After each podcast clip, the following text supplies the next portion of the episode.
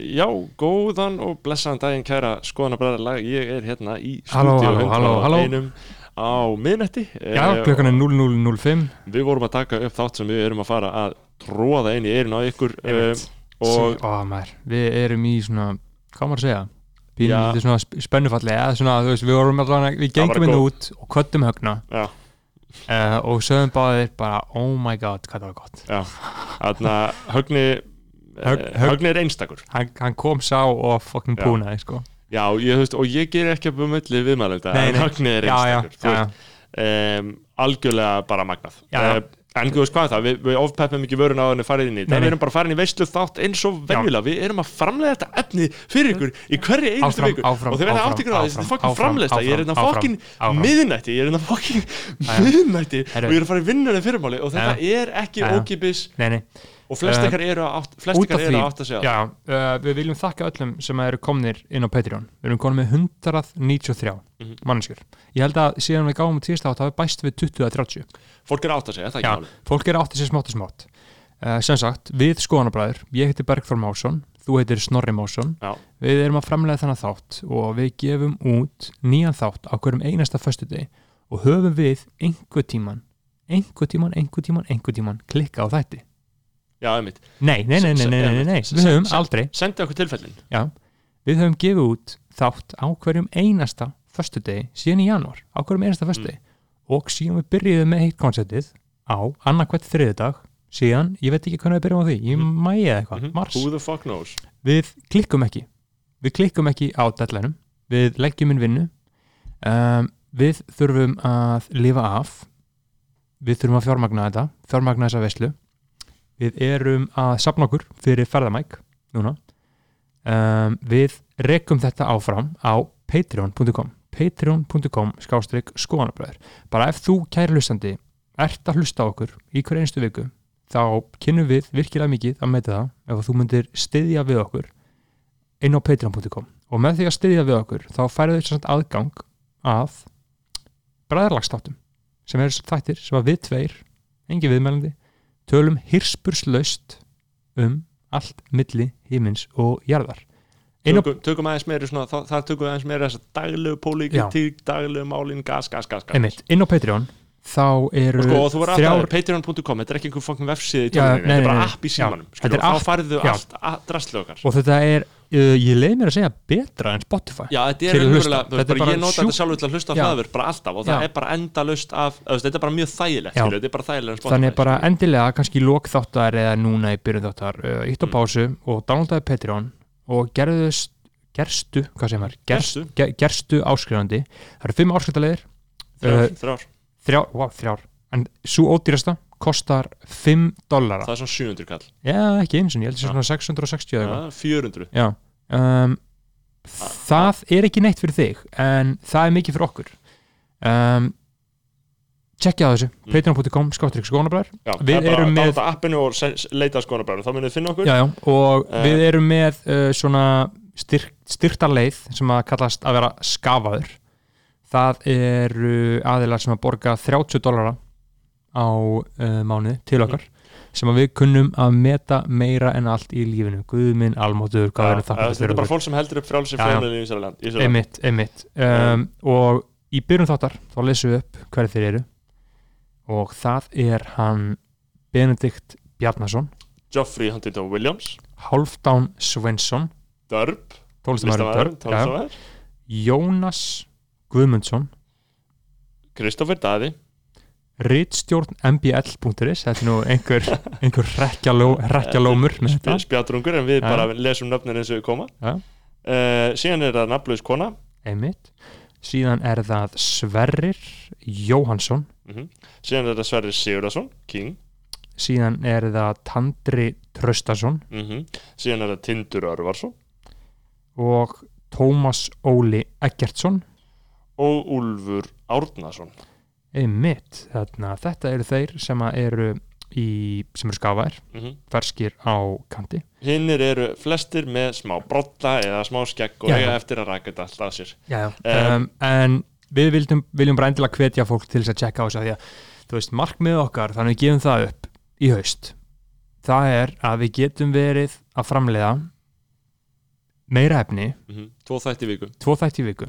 Það er planið, til þess að við getum gert það þá þurfum við að hætta í hinum vinnurum okkar skilur. Og þú veist, og hættu ekki að hætta, við þurfum bara að minka við okkar að við getum að lifa eðlu lífi. Það Og- búið að vera alltaf mikið hellistökk og með því að uh, gerast áskrifandi á Patreon ekki nema 5 dólar á mánu þá ert þú að hjálpa okkur í því að og gera það það. ertu líka bara að fá fucking veistlu fucking efni. Og ég veit að það að er fucking pyrrandi þegar maður er alltaf eitthvað, við þurfum að vera að hamra þessu eitthvað inn í hlaðarpinu og það er bara þannig. Það, er við bara, veist, þurfum að gera þetta Já, skilur, til þess að við getum gert þetta enn betra. Ég skítið ykkur við- skítið, skítið, klukkan er 12, við vorum að taka episkasta viðtal sem hefur verið tekið í langa tíma Einmitt.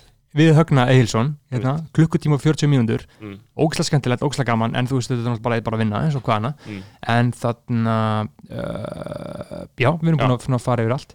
Herru, sko, eitt, eitt þarna í lendi rosalega, tal, talandi um uh, talandi um skoðanabræðarlæð þarna í, ég vildi bara setja virðingu á mann Mm. sem setti sem setti gífurlega virðingu á mig sérsagt ég var núna á mánudaginn í þessar vikum í upptökum við uh, tónlismiband við vorum þarna í á borgarstígunum sem satt stígur á milli milli framnesvegs og, og seljavegs.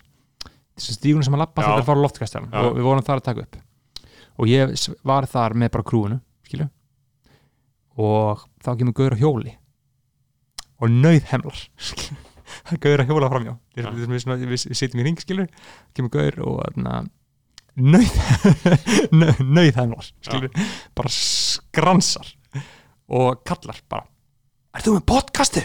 Já. Er þú með podcastu? Ég bara, uh, uh, já, já, já Fyrir af hjólunni sínu, kastaði í jörðina lappar að mér tekur í hendur á mér og segir bara virðing, virðing skilur, Já. bara ég þurfti þetta virðing á þig. Um, ég spurði hann bara hvað er bara státturinn og hann sagði Solveig Anna. Já, já, hann sagði dótturinn með Solveigunni og Þórði Snæ. En það sem að var uh, þetta er ekki, væri ekki frásöðu færandi ef það væri ekki fyrir mannin sem stóð við hliðin á mér.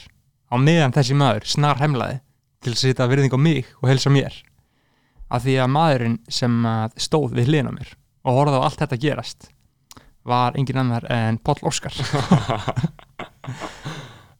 Páll Óskar í bleikum smoking fötum Já.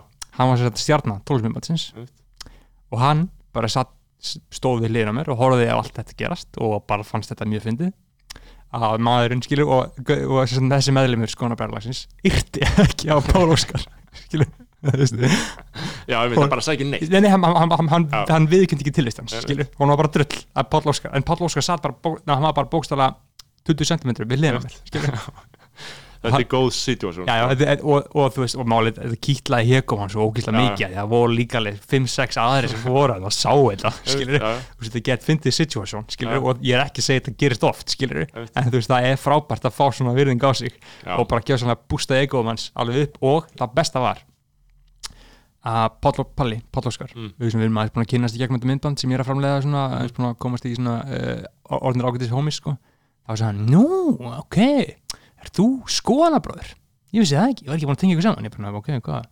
Já, ég nú, hlusta á, þú og þetta bara hann hefur bara hlustað? Já, já, Jöfull er það að Páll Óskar er í skoðanabróðarlæginu Hann er bræðarlega, við þurfum að fá hann. Að ég, um ég, ég nefndi það við hann auðvitað hana sko, og hún fannst þetta mjög fyndið sko, að það skildu allir íroni í það að þessi, þessi maður sem var á hjólinu og snar hemlaði Yrkja skilur, hjá. já, hann fór skilur, Hann Gekk fram hjá já, já, hann, hann, hann, hann, hann, hann var drull skilur, þannig að uh, jú, það, það var ekki meira en bara að segja ef 100% verður frásögn já, og, verður og, frásögn, já og eh, sko ekki síst Þetta var- skemmtilegt aðvík sko. ekki síst bara til þess að einmitt líka bara uh, bjóða fólk velkomið það er að hlusta fyrsta þáttið sem núna með Já. högna eða whatever, bara velkomin í veisluna þetta Já. er skoðanabræðilegið, þetta er reyfingin þetta er veislan Vi, við, erum, við líka þurfum að minna á það oftar sko. við erum með Facebook-hóp sem Mm. heitir Skoðana bræðra lægið og þar fer fram uh, alls konar umræða um þættina, svífringar, stemming og ég býð ykkur velkomið þangað skoðanabræðilega á Facebook, farið inn á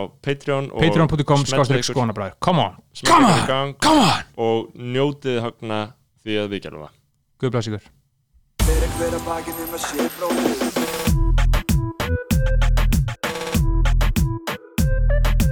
Fyrir hver að bakið um að sé bróðir Sjálfblessuð. Skoðanabræður mætt uh, enn og aftur og að þessu sinni með sérstakann uh, Karlmann Vikunar uh, Það er þarna til þess að útskýra fyrir, það fyrir þér högni ég veit ekki hvort að við hlustum ekki þáttin ég kannski efast um það en við, við köllum þetta Karlmann Vikunar en þetta eru oft konur líka bara til jams sko. Já, en þetta byrjaði sem einhver svona lélega ádæli hjá okkur sem Já. hefur einhvern veginn haldist uh, Va- va- vatt upp á sig sko. en þú veist hvernig það er með listina maður einhvern veginn getur ekki útskýrt allt sem maður gerir. Mm uh, ég býði hjartanlega velkomin mér finnst mjög gaman að fá þig hérna í hlaðarpið til okkar uh, ég hef alltaf fylgst með þér lengi og uh, fundist þú mikill kongur sko þannig að þess vegna- finnst mér góð veist að, að vera komin með því í hlaðarpið Takk fyrir, kærlega Hvað hva, hva segir Kjellin? Hvað hva er að frétta? Hvað er að menna barðúsa þessa dagana? Ég, hérna sko eru við live eða? Við Já, vel Já. Við erum live, god Já. Ok, ég ætla að kynna mig Já. Ég heiti Högni Já. Hérna, ok, fyrir ekki kynntu, kynntu, mér það gott Ok, ok, ok, ok, Já. ok, já, ég, ég, hérna, ég, hvað er ég að bras, braska þessa dagana? Já, hvað hva hefur verið að fórstu? Ég til í bara góða kynningu, bara gott æfi ágrip Já, sko. mér það geðvitt ef, Já. þú, ef þú nennir að kynna þig Við erum Já. svo metnaðlisir útastmenn Við tökum, tökum alltaf bara að byrjum að tala sko. Já, Högni já, já, já, hver, ok, hver, hver, auðvitað, hver, auðvitað, já, já, já. hver er Högni Egilson? Ég- Nákvæmlega, ok, mm, hver er Högni Egilson? Ég er tónlistamæður og, og söngvari og tónskáld. Um, Ég er uh, manneska sem anni hérna, ímsu í þessu lífi og, og þá kannski hérna, helst uh, bara breyskleika mennskunar og, og, og ferun í honum og um leið bara uh, tónlistinni og, og allt sem hún hefur að geima og all, all þá visku sem býr í henni. Um, ég fæst við hef í mínu lífi fengist við rosa margt sko í tónlistinni. Ég hérna, byrjaði í hljómsveit uh, ungur uh, við stofnum í Hjaltalín þegar ég var 17 ára gamall og, og hérna og uh, frá því þá var alltaf bara snýrist allt um bara að, að, að búa til sem fallegustu lögurinn að finna bestu leiðina því að, að gera eitthvað skapa eitthvað sem er áhrifaríkt eitthvað sem er fullt af finna von og, og, og, gleði og tilfinningum og jafnvel sorg og, síðan þá einhvern veginn eh, þrættist lífi áfram og ég endaði í hljómsninu Guðskus svona til þess að stikla stóri og þar túraði ég með heiminn í fimm ára og bjóð til einhverja svona popsmelli og, og núna er ég mest að fást við tónlist fyrir hérna, sjónvarp og kveikmyndir og það þýðir að ég vakna á mótnuna og, og, og, æfi mig á píanóið og, og hérna, sem e, melodíur og harmoníur og fer sér inn í stúdíó mitt og setja inn í hérna, einhverja synthesizera og prógrama einhverja trommur og býr til einhver svona eitthvað væp og Þegar þú, semur tónlist fyrir kvikmyndir um, Ertu að horfa á senurnar og spila undir? Nei, ekki, ekki, ekki per se ég, hérna, ég les handritið og uh, jú, ég horfi á senuna kannski einu sinni um, uh, fæ svona tilfinninguna frá í, í, í samtali við, við samstagskonu mína uh, hvaða er sem þessi sena er að, hérna, er að, er að kalla á. Ég er búin að gera það í, í, þessum myndum sem, heimildamyndum sem ég verið að gera tónlistina fyrir um, og, kvikmyndum sérðu senuna fær tilfinninguna hvar hetjan er stödd í sögunni og reynir að skapa það í, í tónmáli Mhm. um, núna er ég að vinna uh, tónlistinni fyrir sjónsérna Köllu sem Baltasar Kormákur og er að, er að búa til á samt Sigurinn Kjartans og, og fleirum Mhm. og, og þá er ég ekki búin að sjá hana þætti það er bara að vera að klippa fyrsta þátt núna en ég er búin að gera mikla eh, forvinnu og reyna að finna svona DNA tónlistarinnar DNA þarf að segja sögunar og, Mhm. og, og tónlistarinnar Í því samiki þá var þetta að því að Balti var með, með þættina líka með ófærð já, uh, þar var náttúrulega komið ákveði, ákveðin svona sem ég dýrkaði sjálfur. Ég er mjög, ég er mjög mikill sökkar fyrir þessari fiðlu og svona þessu lang, þessum lungu nótum hann að mm eða veit ekki eins og hvort sé fucking fiðla eða eitthvað, eða eitthvað annað. Ég held að veistu sé hvað er að tala um? Já, ég held að sé þú, þú, er ég um? Ég held að þú sé að tala um cello. Já, um, e, hérna, tónlistilegur ert að- idiot já. í, í, það, Þú varst hrifin af, af, af ég er hrifin af þessu sem er örgulega, þú veist ég, ég ímynda mér skilja að það gæti hugsanlega skilist í, í þínum kreðsum sem eru, mm. eða, ég veit ekki hvernig það er hvort séu sérstakar kvikmynda tónlista kreðsur en hvort það sé eitthvað svona klísja skilur Mhm. að ég myndi fíla það mm -hmm. en þú veist, þessar, þessar, þessar löngu selló vetur og svona Íslands skot Mhm. skilur, Mhm. lík við ekki hvað er að tala um, veistu er að tala um jú, ég, skil smá hvað þetta er að spura hérna sko. Mm, þetta er eins og svona þeir sem að gera poptónlist Mhm. Þeir geta hlusta á aðra poptónlist Mhm. sem er kannski líka vinsal og hugsa, hei, þetta er fucking drastl Mhm. þetta er klísja, skilur Mhm. og ég held að það sem Snorri sé að spurja er, er þannig líka í kvikmyndatónlist af því að við svona sem greinendur uh, getum ekki endilega mjög gert upp á milli þú heyrir bara að kvikmyndatónlistin sé rosalega góð Mhm. eða þú bara tekur ekki svo mikið eftir henni skilur hvað ég meina? já, ég meina er, það eru svona klísjur Já, þú veist, það er náttúrulega tveir skólar í þessu sko Þú veist, það er sko svona svolítið old school, new school vibe sko, Ok. þú veist, í í essensi, þú veist, þá er tónlist hún er dulafulla því að hún ásér enga merkingu í, í, í, í sko hvað að segja, hlutlega veruleika það er við, við þú skinjar einhverja tilfinningu gegnum einhverja tónliti og það er einhver, einhver hljóð sem skapa eitthvað andrumsloft og einhverja spennu í einhverju sögu mhm. og, og, og, og síðan er eitthvað eh, allt annað sem sem, sem hérna, táknar eitthvað, eitthvað hérna, eh, gleði eða einmitt, sko, he- hetjuför eða sigurför og, og, og einhverju hluta vegna þá hérna sko er e, einhverju hluta vegna þá einhverju hluta vegna þá er hérna, það er já, heyrist ekki. Er, er hljóðu eitthvað til hljóður, hljóður eitthvað, eitthvað tæft ég er bara að ná að koma heyrntórnum í ganga aftur með þessu. ok, veitir ah, já, Heyrist þið núna? já, nú, sorry, star- sorry, sorry. Ég, heyrist ég, nú, ég, ég misti hérna Heyrðu sjálfur? máli- ég heyri sjálfur mér. Já, þú verður bara að láta mig vita, ég græði það bara. Já. Ok, Þetta fyrir ekki Við erum henni í trappinu sko. Já. Við erum- í já, það, já, Þú heyrir þér ég, nú heyri ég mér Já. Þú verður bara að, að veifa mér og þá græði ég þetta fyrir Ok. okay. Þetta er eitthvað smá veikt hérna Snúran, ef þú fokkar mikið í henni já, þá- já, þetta er snúran hérna í, á hljómur. Já. sko, þú veist, ég trúi svolítið á tónlist sem hafi, að hún hafi sína einn frásögn og, og það hérna þú veist, hún, hún merkir svo margt sko fyrir á svo margvíslegan og marglaga hátt mm. um, ég, Af því að þegar ég er meitt að tala um þú veist, þessar, þessar selló, þetta er auðvitað selló þetta hlýtur að selló sko. og ég, þarna, þú veist, bara eitthvað svona skot, drungi Mhm. og þetta tjáur einmitt, þú veist ég veit að núna er þetta orðið, þú veist, þetta er eitthvað svona þetta var ógeðslega ferst þegar þetta var gert í, þú veist, og ferst fyrir mér, ég er náttúrulega leikmaður ég er Mhm. ekki sérfræðingur, ferst fyrir mér þegar, til dæmis í Ófær serju 1 Mhm. sem var alveg fyrir margt lungu núna, var alveg fyrir fokkin nokkrum árum, það var alveg 2015 held ég sem. Ófær serju 1 15, 16 eða ekki 16, Já, já. 2015 Já. uh, og ég horfði á hana, ég hef ekki horta á aðra serju en ég horfði fyrst serju og þá var þetta þú veist, þessi löngu tónar og þessi lík og eitthvað, þetta kallaði fram eitthvað svona drunga já, já. sem ég bara fílaði og eins og ég segi, ég get ekki En þú veist að spyrja, þú veist að spyrja hvort það væri einhverja stereotypur í þessu, hvort það væri já, klísjur og hvort að þú sett að forðast slíkt um þess, ert þú, ert þú með sellóin uppi í gangi núna skilur Ég er reynd- ég reyndar alveg að, að, að, að tjúna inn á smá selló í, í köllu sko, en, en ég trúi samt að þú veist að tónmáli sé sko það sem gildir í, í tónlistinni. Þú veist Já. að, augljóslega ekki bara verkfærið skilur nei, ekki bara verkfærið mm. spilamennskan og, og tjáning hljóðfærileikarans komið fram í, í, í músikinni um, ég er að nota alls konar hljóðfæri, ég er að nota mikið rattir núna og, og, og, og horn og, cello og náttúrulega síðan bara svona modular synthesizer Mm. svona alls konar hljóðkærlega sko. og, og í sjálf sér þetta bara búið til svona hálfgerða hljóðskúltúra en, en það sem skiptir máli er að fyrir mig er að það sé einhver svona tilfinning í, í lagrænunni, í melodíni að, mm. að, að, að komi einhver svona spenna í gegnum sko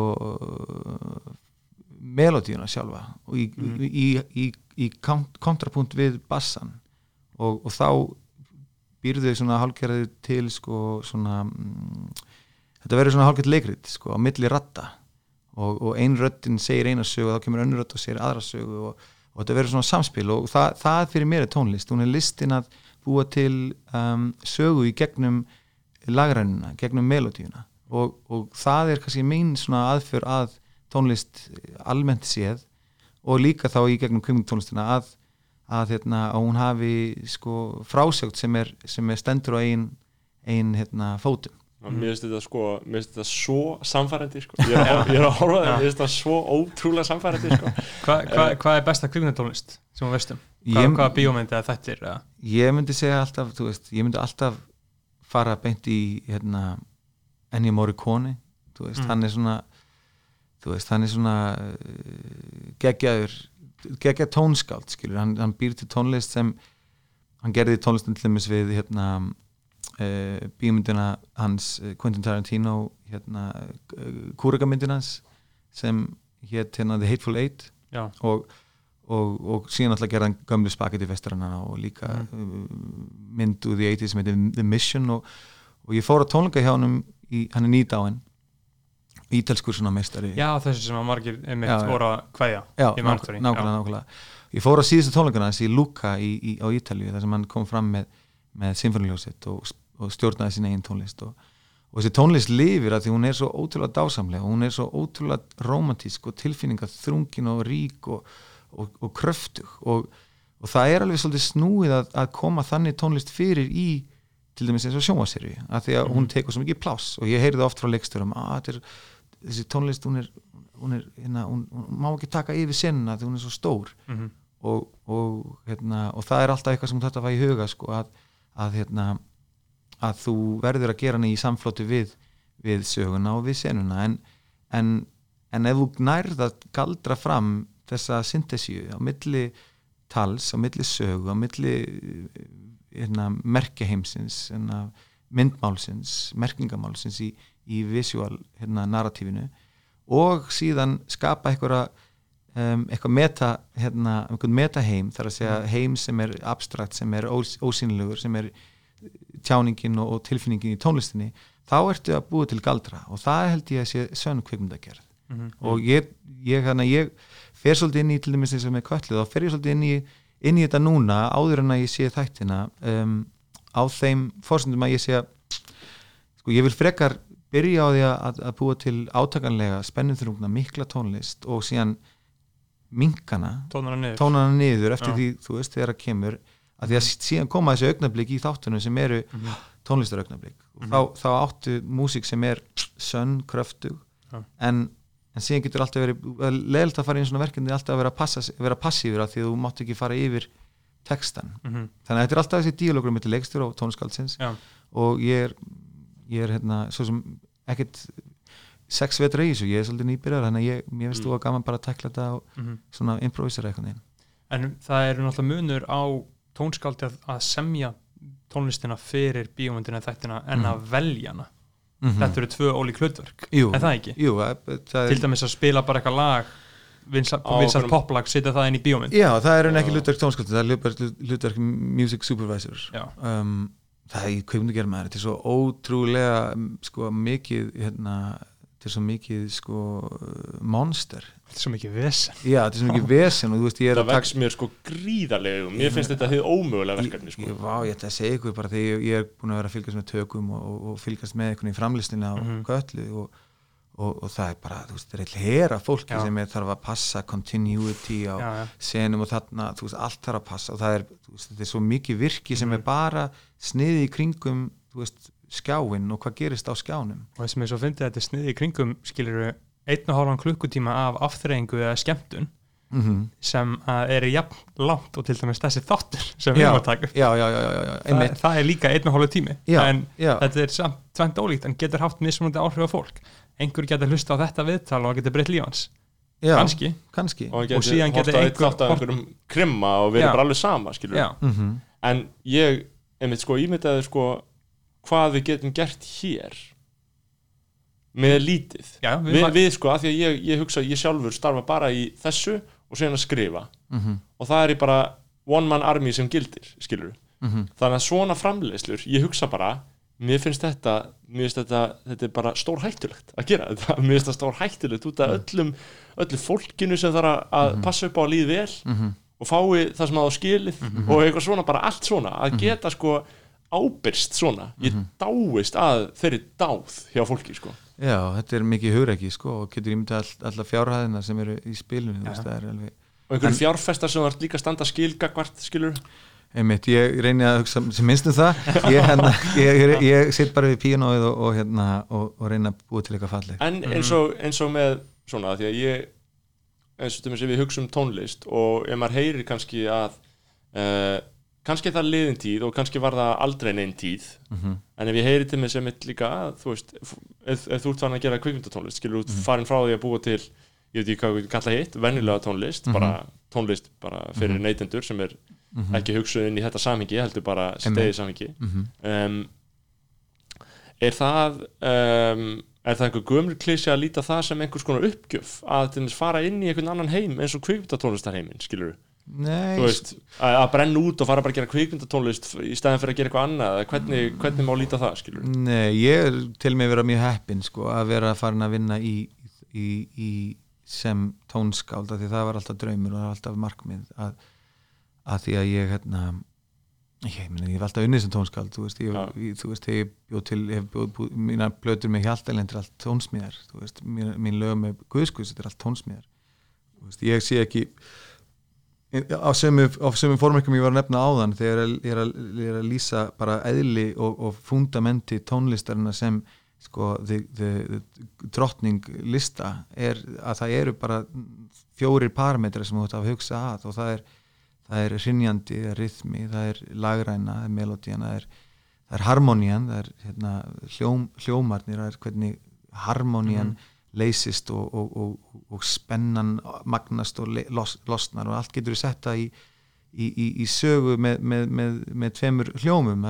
Bara, allar heimsins sögur getur við skrifað bara í, í, í, í, í, í hljómasamiki tvekja hljóma nánast, en síðan ertu með hennan fjórða parametri sem er svo áhugaverð, sem er eiginlega þessi nútímalegi parametri sem er hljóðu liturinn. Og það er eitthvað sem var ekki til fyrir 60 árum 50 árum, það er hérna, núna er öll tónlist sem við hlustum á í, í, í útvarpi eða, eða, eða bara á upptökum, þetta er allt núansar með hljóðlit, það er að segja með yfirtónaröðina, tónani, sem er ekki bara á, á hérna, píanónu eða, eða í ykkur svona raðmengi sem við köllum hérna, nú er ég farin að nördast aðeins strákar, sorry, Ja. ja. hérna, þú veist, þetta er bara þetta er ekki bara tónfræði, þetta er líka sko hljóðu litur, það er að segja bara mm, hvað, hvað hljóð eins og þið heyrið þegar hlusta á Kanye eða, eða, eða eitthvað þessu, bara allri músík sem ég tek bara dæmi Kanye, þú veist það er í allri músík sem við hlustum á í dag er alltaf sound, að, það, þetta sound ég er að fíla þetta sound en að, þú veist, mm. það er svo sérstætt Ó, og eitthvað óutskýranlegt já, þú veist, það er bara áferð bara. Já, áferðin, nákvæmlega, impressionin af soundin og hljóðinu, Já. þú veist, það er ekki bara ég ætla að spila læð á píanóið þú veist, það er núansinn í hvernig soundi kom fram og allir pródúserar pæla alltaf í soundinu sko, þú veist, og, og síðan, en það er alltaf þessi, þetta er samspil þess að fjara þáttar sem ég, mér finnst gott bara struktúr þetta í fjóra þáttar, það er annars verð Mhm. hrinjandi, lagræna, hljómræna og hljóðlitur mm. það er svona grunnuna tónlist fyrir mér og þess vegna á ég auðvöld með að fara sko, setja þetta í, í, í, í bara mismöndi sko, sögur þú veist, Já. En tekur orð og texta ekki með inn í þetta Nei, það, það, er, það, er, það er bara pótólist það er söng, söng það er hérna sögugerð það er, það er bara, þá ertu að segja sögur þá er, þá er Mhm. ég, ef ég ég, ég, ég er lagahöfundur og, og sem, sem lög sem eru oftast næði persónuleg og persónulegar svona hérna, persónuleg svona sko bara þau áhrif sem heimur minn hefur á mig ég, ég, ég hérna reyna að koma fram í, í, í, í ljóði og, og reyna að, að komast inn að einhverjum kjarna bara minna tilveru í gegnum merkingamál orða og það er það er ljóðagerð, það er, Mhm. það er sönglagerð um, ég myndi ekki segja að það væri púra tónlist það er náttúrulega Mm. mörguleiti bara það sko, er merking já, það er merking, það er aftur sama það er, og táknveruleiki sko. já, takkveruleiki akkurat, en, en púra tónlist absolutt tónlist, hún er, Já. Hún er abstrakt, fullkomlega og sko tónlist er þú veist tónlist er þú veist, ef ég, ef ég sé þetta fyrir mér munum til mig sem þetta á, á sko, listsköpun sem er tónlist og listsköpun sem er ljóð mm -hmm. Veist, því að ljóði þá ertu alltaf með eitthvað, eitthvað bil á milli sko táksins og hlutsins sem á að lýsa ef þú ert með Mhm. bara á blaði stendur bara orðið tré og þá táknar það tré Mhm. Svo ertu með alvöru tré og tón, tónlistin er þú veist bara alvöru tréð þú ert bara að horfa á alvöru tréð Mhm. en ljóðin þá ertu að horfa á orðið tríða á pappír Mhm. ég veit ekki hvort það er skiljanlegt en þú veist, það er svo mikill munur á það að vera að horfa á alvöru hlutin og vera bara að horfa á tákn sko. Mhm. að þegar þú ert fann að leika þig með tákn Mhm. þá er það ljóð skilur að því þá ert að nota það yfir eitthvað sem það er ekki, er ekki hefðbundið skilur ljóð er eitthvað svona orð Mhm. og tengingar sem koma á óvart skilur Mhm. Mhm. Uh, mér finnst það svo mikið munur á meðan tónlist skilur að því ég, ég sjálfur er mikl, ég hugsa miklu meiri orðum, ég hugsa svo lítið tónlist ég, hugsa bara, ég hlusta bara einhverja kvikundatónlist í Mhm. á Spotify, ég ger það mjög mikið Mhm. uh, en í orðum þá finnst mér það svo aðteklisvert sko hvað þessi orð þýð ekki neitt í raun og veru sko, tákna bara eitthvað, já, já, ég meina þetta er eins þau og er ekki alveg hlutir skilur, þetta er eins og bara með lag þú getur hlusta, þú, að kemur nýtt lag út og þú elska það, þú Mhm. getur hlusta á það bara 20 sinni í röð og bara dyrka það. Mhm. uh, og þú elskar kannski textan í laginu, af því að það er svona það sem ég vil helst fá út í tónlist, það er textin og ljóðagerðin, Mhm. en það væri ekki ég, ég myndi aldrei lesa textan 20 sinnum í Mhm. röð, skilur Nei. en ég get hlusta á lagi þú 20 veist sinnum í röð flutningin já, ég maður vil flutningin með öllu, sko Já, já og, og, og hérna sjónarhort sko sögumannsins já, sko að því, að því að það er það, það er það sem það hérna, góð tónlist og um, tónlist yfir höfuð hún, hún er alltaf hérna sko eitthvað skonar portal eða hlið inn í eitthvað Mhm. svona sameilinnan veruleika sem manneskan deilir sem eru sko þessi fornu, þetta forna mál einmitt í tá- táknum sem, sem hérna er grafið inn í, í, í, sálvitund okkar og, og þegar að þegar að maðurinn er að skapa þegar að höfundurinn er að skapa þá er hann að sækja einhvern brunn sem liggur í einhverju, einhverjum svona já, það má kalla andansheimi eða, eða einfallega bara í þessu sálræna, þessu djúb sálræna sem, sem hefur vakið með okkur í gegnum aldinar og, og grafið inn í þessar mýtur sem eru alltaf í kringum Mhm, okkur og mýtuna sem er alltaf að koma upp allstaðar, þú veist mýtanum Jésu Krist og uppröstuna hetjuna og þessar stóru sögur og tréð, hvað merkir tréð? Er það, að, þú veist, er það tréð lífsins? Er það askur það tréð sem, sem nær nýri, nýri, nýri til heljar en upp til himins? Þú veist, er það sem harmoni, er það hermesnákurinn, þetta er svona þú veist, þetta er, þetta er að vera fjallum eitthvað svona heim sem við getum aldrei almennilega skilið eða snert á en við notum öll þessi tákn og þessi ljóð og þessi tónlist til þess að einhvern veginn fanga að- eitthvað bara erða, fegurð, já erða með okkar trúir á mítunar sko. Já, uh, já, akkurat, erðafni trúar og mítunar og, og við semjum eitthvað við semjum eitthvað nýja og nýja umgjörð sko. en þetta er alltaf sama þetta er alltaf sama mótíf sko. Já, sama, þetta er, e- þetta er hugurinn veist, og það, það er m, það er ala, held ég sko, þetta- it comes down to that sko, hva, hvar er staður hugans í náttúrunni? Það, þú veist, hva- hvar, hvar er þessi hugur sem við erum alltaf að, að hérna, hvernig búum við til alltaf, hvernig, sköp, hvernig verður sköpunverkið til? Og ég held að sögur sé einmitt svona einmitt erða efni hugans. Já, farvegur ro- ro- rosalega kann þetta getur stundum reyft við manni á mismunandi uh, mismunandi tímabili lífsmanns eins og gerast í mig bara um daginn sko. mm -hmm. ég er að horfa á bíómynd Mm uh, Honey Boy, Shia LaBeouf sem að hann sem sagt leikstýrir já, og er hann er eða ekki? Hann er bara mestari, hann er bara snillingur sko. einmitt, einmitt, einmitt. og þetta er sem sagt bíómyndin Honey Boy, leikstýrað honum. Uh, hann skrifa ekki handið til sjálfur en þetta er sem sagt byggt á æfi hans og hvernig hann ólst upp sem svona barnarleikari í Hollywood. Og myndin gerist aðalinn á hótelherbyggi með pappans Mm og hann leikur pappa sinn Shia LaBeouf sjálfur já, og bara myndin sýnir sjónarátt frá því að hann var krakki, bara 5 ára. Mm og þegar hann var 16 ára í meðferð fyrir á, áfengi og vímöfuna næstu Já. og í myndinni þá er atriði þar sem að na, pappans er að gera grín á hann fyrir að vera með lítið tippi. Skilur, bara eitthvað svona traumatizing atriði já, sem LaBeouf skrifar. Já. og, þarna, og ég, ég hef alltaf verið gett spjörhættur bara alla mína æfi bara aldrei fíla, fyrir, al- aldrei fíla að vera nakin í sundi og aldrei fíla Já. þetta búningsklega sitt og eitthvað. Og ég er svona sátatri og spalt, pældi ekkert svo mikið í skilur og síðan svona tveim, þreim vikum setna þá horfði ég á viðtal, LaBeouf hjá Jimmy Kimmel.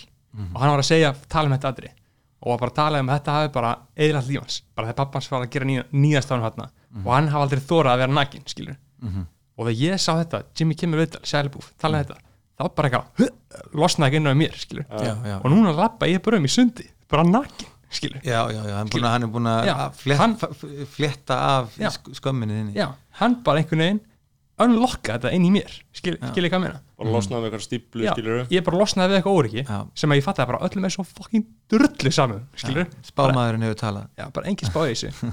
Og bara eitthvað Shia LaBeouf tjáði í sinni list. Já, Og það það- opnaði fyrir þér það opnaði fyrir mér Mhm. en síðan opnaði enn meira fyrir mér þegar ég heyrði hann persónulega tala um það skilur Mhm, mhm.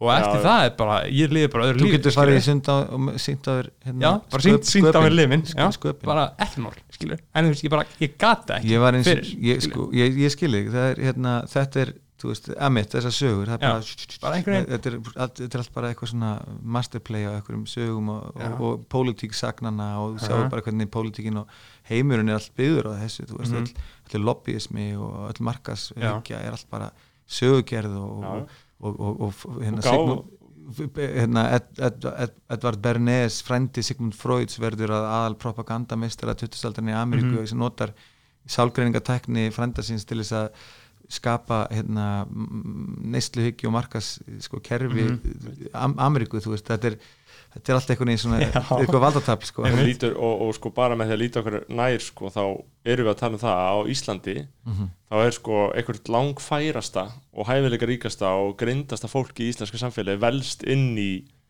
um, lobbyisma. Mhm, það er bara, ef þið farið þarna inn, þetta er bara mest kompetent mhm, og gáfað fólk sem þið finnið bara, bara meðal mikið, bara af fjöldan bara þetta er alveg svona topp, bara fólkið já, við bara farið inn á skrifstofunni og samtökum aðurlífsins já, og bara talið við fólkið. Og þetta Já. er bara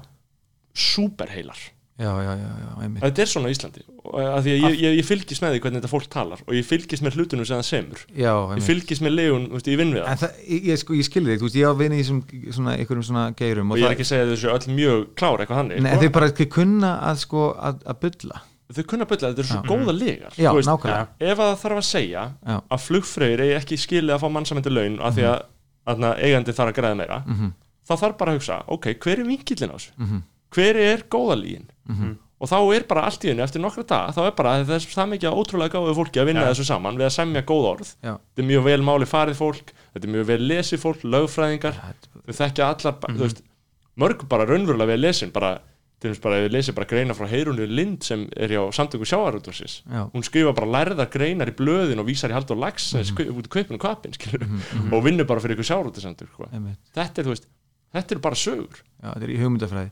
Og, og, og náttúrulega fólk sem er sko á kafi í hugmyndafræði sko. og það, það sér held ég ekki heldur út úr hugmyndafræðinni en það er mjög, það er rosalega gott að semja sögur Mhm. sem fólk getur ekki annað en bara já, þetta hljóma vel, skilur þetta er góð saga Ég á að tala með mitt að vitna í heldur Lagsnes og þá að hérna, snertur við þessum romantíska hjartan í fólki Já, já. og þá opnar það og þá tengir það betur við þetta er allt bara eitthvað svona tekni þetta er bara fullkomin Já, tæk já. Já, fullkomin og, tekni og, og ég get ekki annað en djá, tá, dá, dást að þessu sko, Já. sem og sko, það, það, það sem að þetta fólk gerir aðalega er sko, þetta er svo góð conmans skilur, Mhm. þetta er bara ennska orðið confidence man, skilur, Já, bara, þetta er bara já. fullt sjálfströst á því sem þau eru að segja Mhm, er að þú, Já. lapp, þú lappar í burtu frá þeim mhm, og þú getur sagt, þú sagt beint út ég man ekkert hvað þessi manneski sagði mhm.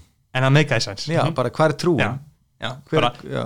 þetta meikaði sens sem voru að segja en ég man ekkert hvað hann að segja já, ég meina þetta er, þú veist, ef við förum einhvern veginn svona að hérna, yfirfæra þú veist, þessi, þessi, þessi, þessi andansmál skilur við góðsögunar og sögunar og jafnvel þá einmitt sko, krist, hérna bara hérna bara guðfræði skilur við, þú veist, Mhm. þá er alltaf bara hver hefur hvern, hvern, hvern, hvern trúi ég á þú veist, hver, hver hefur máttinn þú veist, hver, hver hefur sannleikan einhvern veginn, Mhm. þú veist að hvernig býr þann til með Já. hugmyndafræði með sögum, með hjartnæmni og af því að, af því með að bara það mikill framleiðslu, þú vart að vera að framleiða content bara af, af hugmyndum svo hittu við bara, heyru, þetta er góð lína alltaf að taka endur takið þetta. Mm og aðalega út af því að helsta sko eðli mannsins er ekki endilega að uh, skáldasögur skilur búa til heldur er eðli nummer eitt bara sem að alla mannesku gera það er að dreifa sögum mm. endur segja þær skilur Mhm. halda því gangandi -hmm. miðla því sem þeim er sagt þau eru ekki endilega að búa til skilur Mhm. en allir þurfa þetta er mannski út af bara, þú veist, nummer eitt sem að mannskjan elskar, skilur, helsta syndin, það er slúðra skilur, Já, þú veist og maður veit að slúður er, skilur, rót alls íls, en, en stundum þegar maður, er, þú veist, heyrir eitthvað shit, en, en skilur, slúður, þú veist, er slúður er slúður slepp ef þetta er Hvað ef, finnst ef ykkur? þetta er róur, skilur já slúður. Æ, ég er ekki alltaf að slúðra svona í, í kaffinu hérna með vinum eitthvað svona chit-chatta þú veist, Af en, því að- en það er ekki gott að baktala það er, það er, Nei, Já. mér finnst baktalið mitt mér finnst, en ég gerir greinamun, þú veist, ef þetta er ef þetta er til mér bara fólk sem er ekkit endilega mér viðkomandi, já, en ég er bara með eitthvað, kont, ég er bara með eitthvað stöff, skilur Mhm. bara, heyrðu veist þú hvað, já, þú já. veist, bara þetta bara, hey, Mhm. veist, varstu búin að heyra? Já, og þá er fólk bara, veist, það kviknar í Já, fólki. Já, já, hvað er nýtt í þessu hvað er nýtt í þessu? Já, þú veist, bara ertu með eitthvað nýtt, skilur og, og, og mér finnst það líka aðtölusvert sko í, í ljósi fjölmjöluna, skilur, það sem ég vinn að það er náttúrulega þetta sama eðli að koma fram bara, Mhm. einmitt, bara þú ert fyrstur að segja, þú vannst ef þú varst fyrstur að segja. Og það er náttúrulega fjölmjölun þetta er náttúrulega ástæðan fyrir að ég álít fjölmjölun síðlust fyrir bara í grunninn, sko. Mhm, við erum búin að, þú veist, fjölmjöla, tala um, tala um að semja sögur. Mhm. fjölmiðlar eru búin að semja þá sögu og við erum búin að semja þá sögu bara í vesturinn samfélagi endalaust að fjölmiðlar séu útverðir og fulltróar almennings sem eru að þjóna almenningi. Ég verðum þetta að spá einmitt líka bara þú veist, þú veist að speysa hérna með að ég veit ekki, svona svo fréttir skilur klón 8 eða eitthvað fréttir klón 7 og maður er að horfa eitthvað frétt ég hugsa bara þegar maður er einhvern veginn búin að vera á Instagram og netinu allan daginn og eitthvað og, og er að, veist, þetta er svolítið nýrveruleiki veist, og allt í einu klón 8 þá komur svona eitthvað tími þar sem svona sjö helstu fréttinur er svona settar upp og maður er búin að lesa þetta veist, allan daginn já. þú veist, og einhvern veginn svona eitt fyrirbæri sem segir hvað er að frétta er eitthvað, Mhm. svo, eitthvað svo steikt Það er er, það sko og pældi ekki að ná fyrir Instagram já, skilur. já, einmitt. en, en þetta er einmitt sko, er mjög aðlisvert að segja þetta sko, einmitt bara einhver svona, einhver, einhver eitt entitet Mhm, bara þetta er hér- þetta- hérna, hérna, uh, hingri augnablind Mhm. aug, augnablik, hérna er koma rödd sannleikans já, já, Mhm. og sem mun bara segja satt, það, hann að hann skrifaði bók fjölmiðla maður hann uh, nafnina sem stólu úr mér sem heitir Sagnaþulir samtímans Mhm. Þar sem hann er með að draga upp þessa hliðstæðu að einhverjum gömlum Ford samfélagum þá var einhver einn í miðjunum með einhvern fokkin staf Já, að þylja upp sögur skilur og allir hlustuðu á hann, hann var í miðjunu og það eru fjölmiðlar dagsi skilur, það er, það er sambarlegt skilur, það er hliðstætt. Er það já, ekki? nema núna getur við valið. Já, já, þú núna getur bara fengið bara confirmation bias skilur þú bara lest þær fréttir sem, sem þú veist er að fara að segja það sem þú vilt heyra og færðu hún í kaninu Já, hóluna já. sko. sérstaklega í bandaríkinum skilur þetta er kannski aðeins hérna getur fólk hlusta út á sögu og Já. bara fengið staðfestningu já, þetta er svona, já, bara Mm. mm. fengið þetta staðfest og allt hitt í kjæfta, skilur Mhm, mhm. alveg eins og við, bara eitthvað vestrænir PC kallmenn, skilur Mhm. við bara eitthvað lesum þetta og trúum því að allt sem er satt út á sögu sé, sé bullshit, skilur hvað hlusta þú á áhugni? Ert þú að hlusta okkur svona hlaðvörp okkur sétta? já, ég hlusta ég, ég sko ég hlusta eiginlega á tvö hlaðvörp það er annars vegar sko fíla lag með hérna, Snorra og Bergi það virka mjög vel, þú veist, ég er erlendis og, og ég er kannski einn eitthvað staðar á flugvelli eða eitthvað og með Mhm. svona netta heimþrá að hlusta ég á hérna, þá hérna, tala um tónlist sem Já. yfirleitt tónlist sem ég þekki og maður fer að hlæja þess og hann þeir báðir svona, svona skemmtilegi spekingar Mhm. en síðan hlusta ég á hérna eila, eitt svona, svona uh, heimilspeki podcast sem heitir Já. Philosophy Bites já, eftir hérna Nigel Warburton. Og, og það er verið að stikla á einhverjum svona efnum í, í heimspeki og það Ú- útskýra svona skóla á pælingar já, þekka bara eitthvað svona art and stoicism. Eitthvað. já, there is Nigel Warburton. The essence of stoicism. What is your feeling on stoicism? Mm. well stoicism collaborated in the 2015 þá kemur svona, svona respur um, um hvað stoicism er og. Og, hérna, og það getur verið notalegt sko en, en Mhm. yfirleitt er ég bara að- finnst mér næst að, að hlusta á eitthvað sem bara svona lætur mér líða vel og er ekki á krefendi einmitt, einmitt en, uh, en músík Hvaða hlu- músík hlusta ég á? já, fylg, fylgist þið með íslensku poppi eða? já, já, ég eh, geri það já, svona mesturleiti held ég já, hvað, hvað finnst þér um allir þessi rappara? mér, mér finnst hérna bara margt bara alveg aðeinslegt sko og, og mér finnst sko að því við vorum að tala um einmitt þessa hérna tjáningu og, og hérna og þetta flæði og, og, og, og, og, og þú veist mér finnst svo, svo magnað hvað hérna þessi kynslu sem, sem hvað, hvað, allar rappar eins og segir allir þessi Já. rappara, þú veist það er bara Mhm. svo, svo frjálst flæði af, af, af persónulegri sögum og persónulegri tjáningu sem er svona fer fram svolítið svona í flaumi og, og, og frjálst og svolítið óheflað og þú veist þetta er svolítið kannski í einhverjum svona skilningi þú veist ekki hérna marglaga í einhverju kryptík og ljóðrænu og ekki, þú veist en, en, fyr, en fyrir viki þá er þetta hérna kannski hreitna Já. og, og, og uh, frjálsara og, og kannski líka þá þú veist, þetta er ákveðin nævismi þú veist, Já, já. þetta er, þetta er ekki hérna, það er ekki verið að það er ekki verið að, að, að setja sig á háhæst heldur bara einfallega að tala beint frá hjartanu í á Mhm. svona, svona saklausan svolítið máta en, en ekki alltaf auðvitað en ég, ég digga bara ókslega mikið að því ég myndi svona komik í þessu sko. Já, það er líka það, við lítið svona léttúð og, og ekki of alveg sko. Naki Já, hjarta nútímans nakið, nakið Já. hjarta nútímas nákvæmlega. Ég á mér enga sérstaka uppáhalds tónlistum en ég, ég hérna mér finnst bara margt ótrúlega nett Já. sko. Ef við En á- eitt þá þurftir að nefna tíu já, en þetta er á- áhugavert einmitt að við segja að þetta er, þetta er ekki abstrakt Já. þetta er bara veist, bara, Já, já. bara að vera að segja oh my god, oh my god, oh my god hún er með rassi með nót til af ég ætla að snúa henni við, láta hana segja oh my god skilur, þetta er bara Ég bara, ég nákvæmlega, bara Já. eins og það á að vera skilur, það er hérna, bara cool og nett og, og þú veist, það er ekkert gott að vera með hausinn hún í hérna, stjettin alltaf að pæli hvað heimurinn er erfiður og, og þungur og þú veist, það er bara gleðin og fögnuðin yfir lífin og, Það er náttúrulega Mhm. geggjað stuð í þessu sko Já, stuðmaður Já. Mm. mm, Það er alltaf það sem er oft gaggrind í þessu sem er náttúrulega kvimleiði gaggrinni og sem ég tek í mjög tilvikum undan, undir er einmitt það sem þú var að segja það er, Mhm. þetta, er, þetta er ekki þetta er ekki torræð uh, móternísk Já, uh, kvæði bókmyndaleg hugsun nei, þetta fólk er ekkert að lesa þetta er ekki, or- þetta er ekki, ir, þetta er ekki ort Nei, fólk Nei, nei. Þetta er ekki orð, þetta er Nei, beinleins ekki orð, þetta er bara tjáð og sagt og sungið, þetta er Já. miklu meira að syngja en að kveða eh, og sko, og, og þessi helstu skáld svona nútímans í þessu rappi sem við erum með Mm. mm. skilur, þú veist, þeir eru með eins og bara að tala um þetta, þeir eru með sína eigin tungumál skilur, þeir Mhm. bulla eitthvað út frá sér mhm, sem að ma margir taka til sín og tólka sinni hátt eins og bara, þú veist menn tala um gíslensku, gísli Mhm. pálmi einmitt uh, drengsku, mhm. frá dreng Drengur, já, flónska, skilur, Já. frá flóna skilur, Já. þetta er eitthvað, þú veist þeir ná að hitta okkur hráan punkt, sko já rái punkturinn Já, einmitt. eins og til dæmis bara þú veist, að lína frá flóna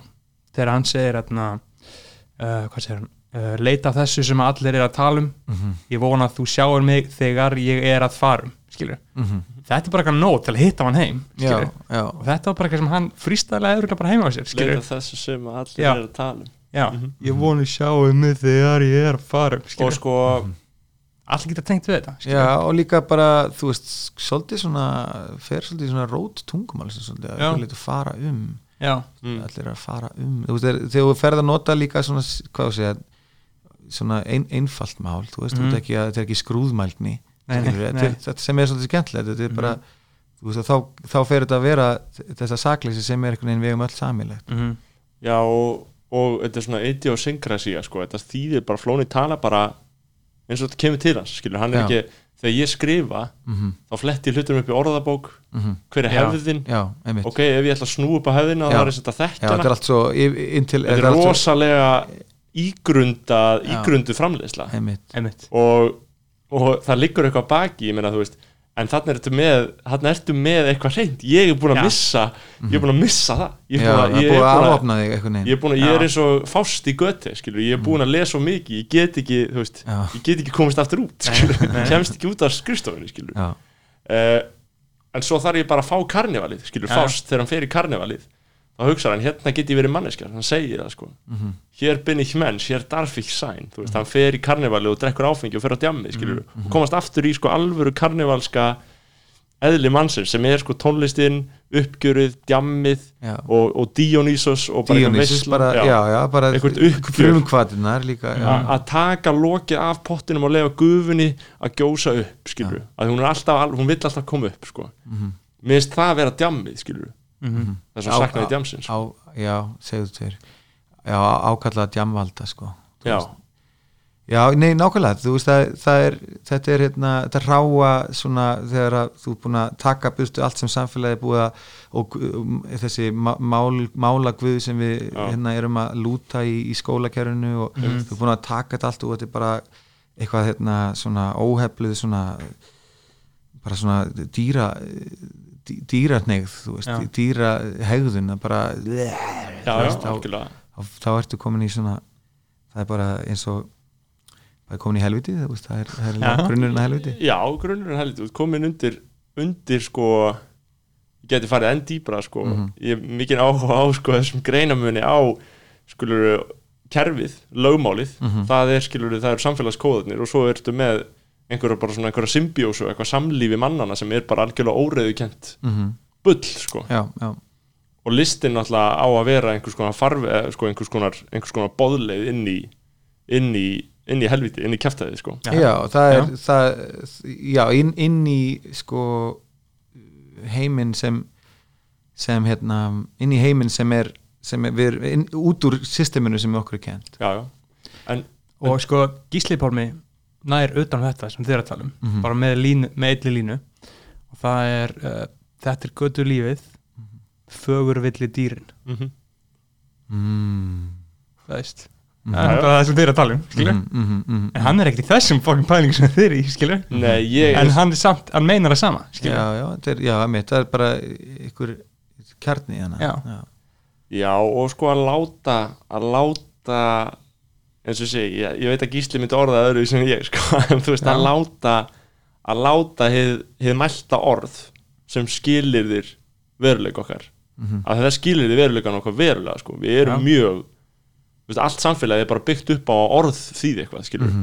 en að láta það lönd og leið um stundasakir og fara inn í eitthvað dæmi það er karnivalið, sko, það er, er Dionýsis hátíðin, en talandi um einmitt svona kerfi og, og íslenskuna og, og, og og kerfið sem að, sem að bælir okkur að einhverju leiti, skilur Mhm. þetta er náttúrulega bæningakerfi Mhm. eh, afar þínir báðir af því nú er ég svo góðu blaðmaður, ég googlaði og ég, vei, ég vissi það reynda fyrir að, að afar þínir báðir og tvo afa Já. sem voru báðir sérstakir og mommaðin er líka í fræðinu með það ekki? Jú, jú. Eh, afiðin var þannig við tökum þannig við höfum þá að reynu þá var það hann Reit Myndisson eða ekki, einmitt, annars vegar. Átni Böðvarsson hins vegar. Akkurat þetta akkurat. er kanóna, þú ert komin af íslensku máðu fokkurum, skilur málfræði og mammaðin, hvað heitir hún fullin átni Erna Guðrún. Arnóttur, já. Já. já Árni Böðvarsson, já, þetta er ég, mér, hann bara upp með mér að þú skulir hérna, vita þetta um, Árni, jú, en sko, já Árni Böðvarsson, hérna reitstjóri Íslensk orðabókarinnar og mikil kennari og Sjón Hreinn Bendinsson, málfræðingur en síðan er þriðja afi mér, þetta líka sem er, er stjúpaði minn og hann er Jónas Kristjánsson sem er, Lanaður, nei, nei. Um, Já, íslensku já, hann var handréttafræðingur, hann Já. var fórstöðumaður Árnastofnunar. Am, Amma okkar var alltaf að gera grína honum. Að því hann var svo lítill. Nei.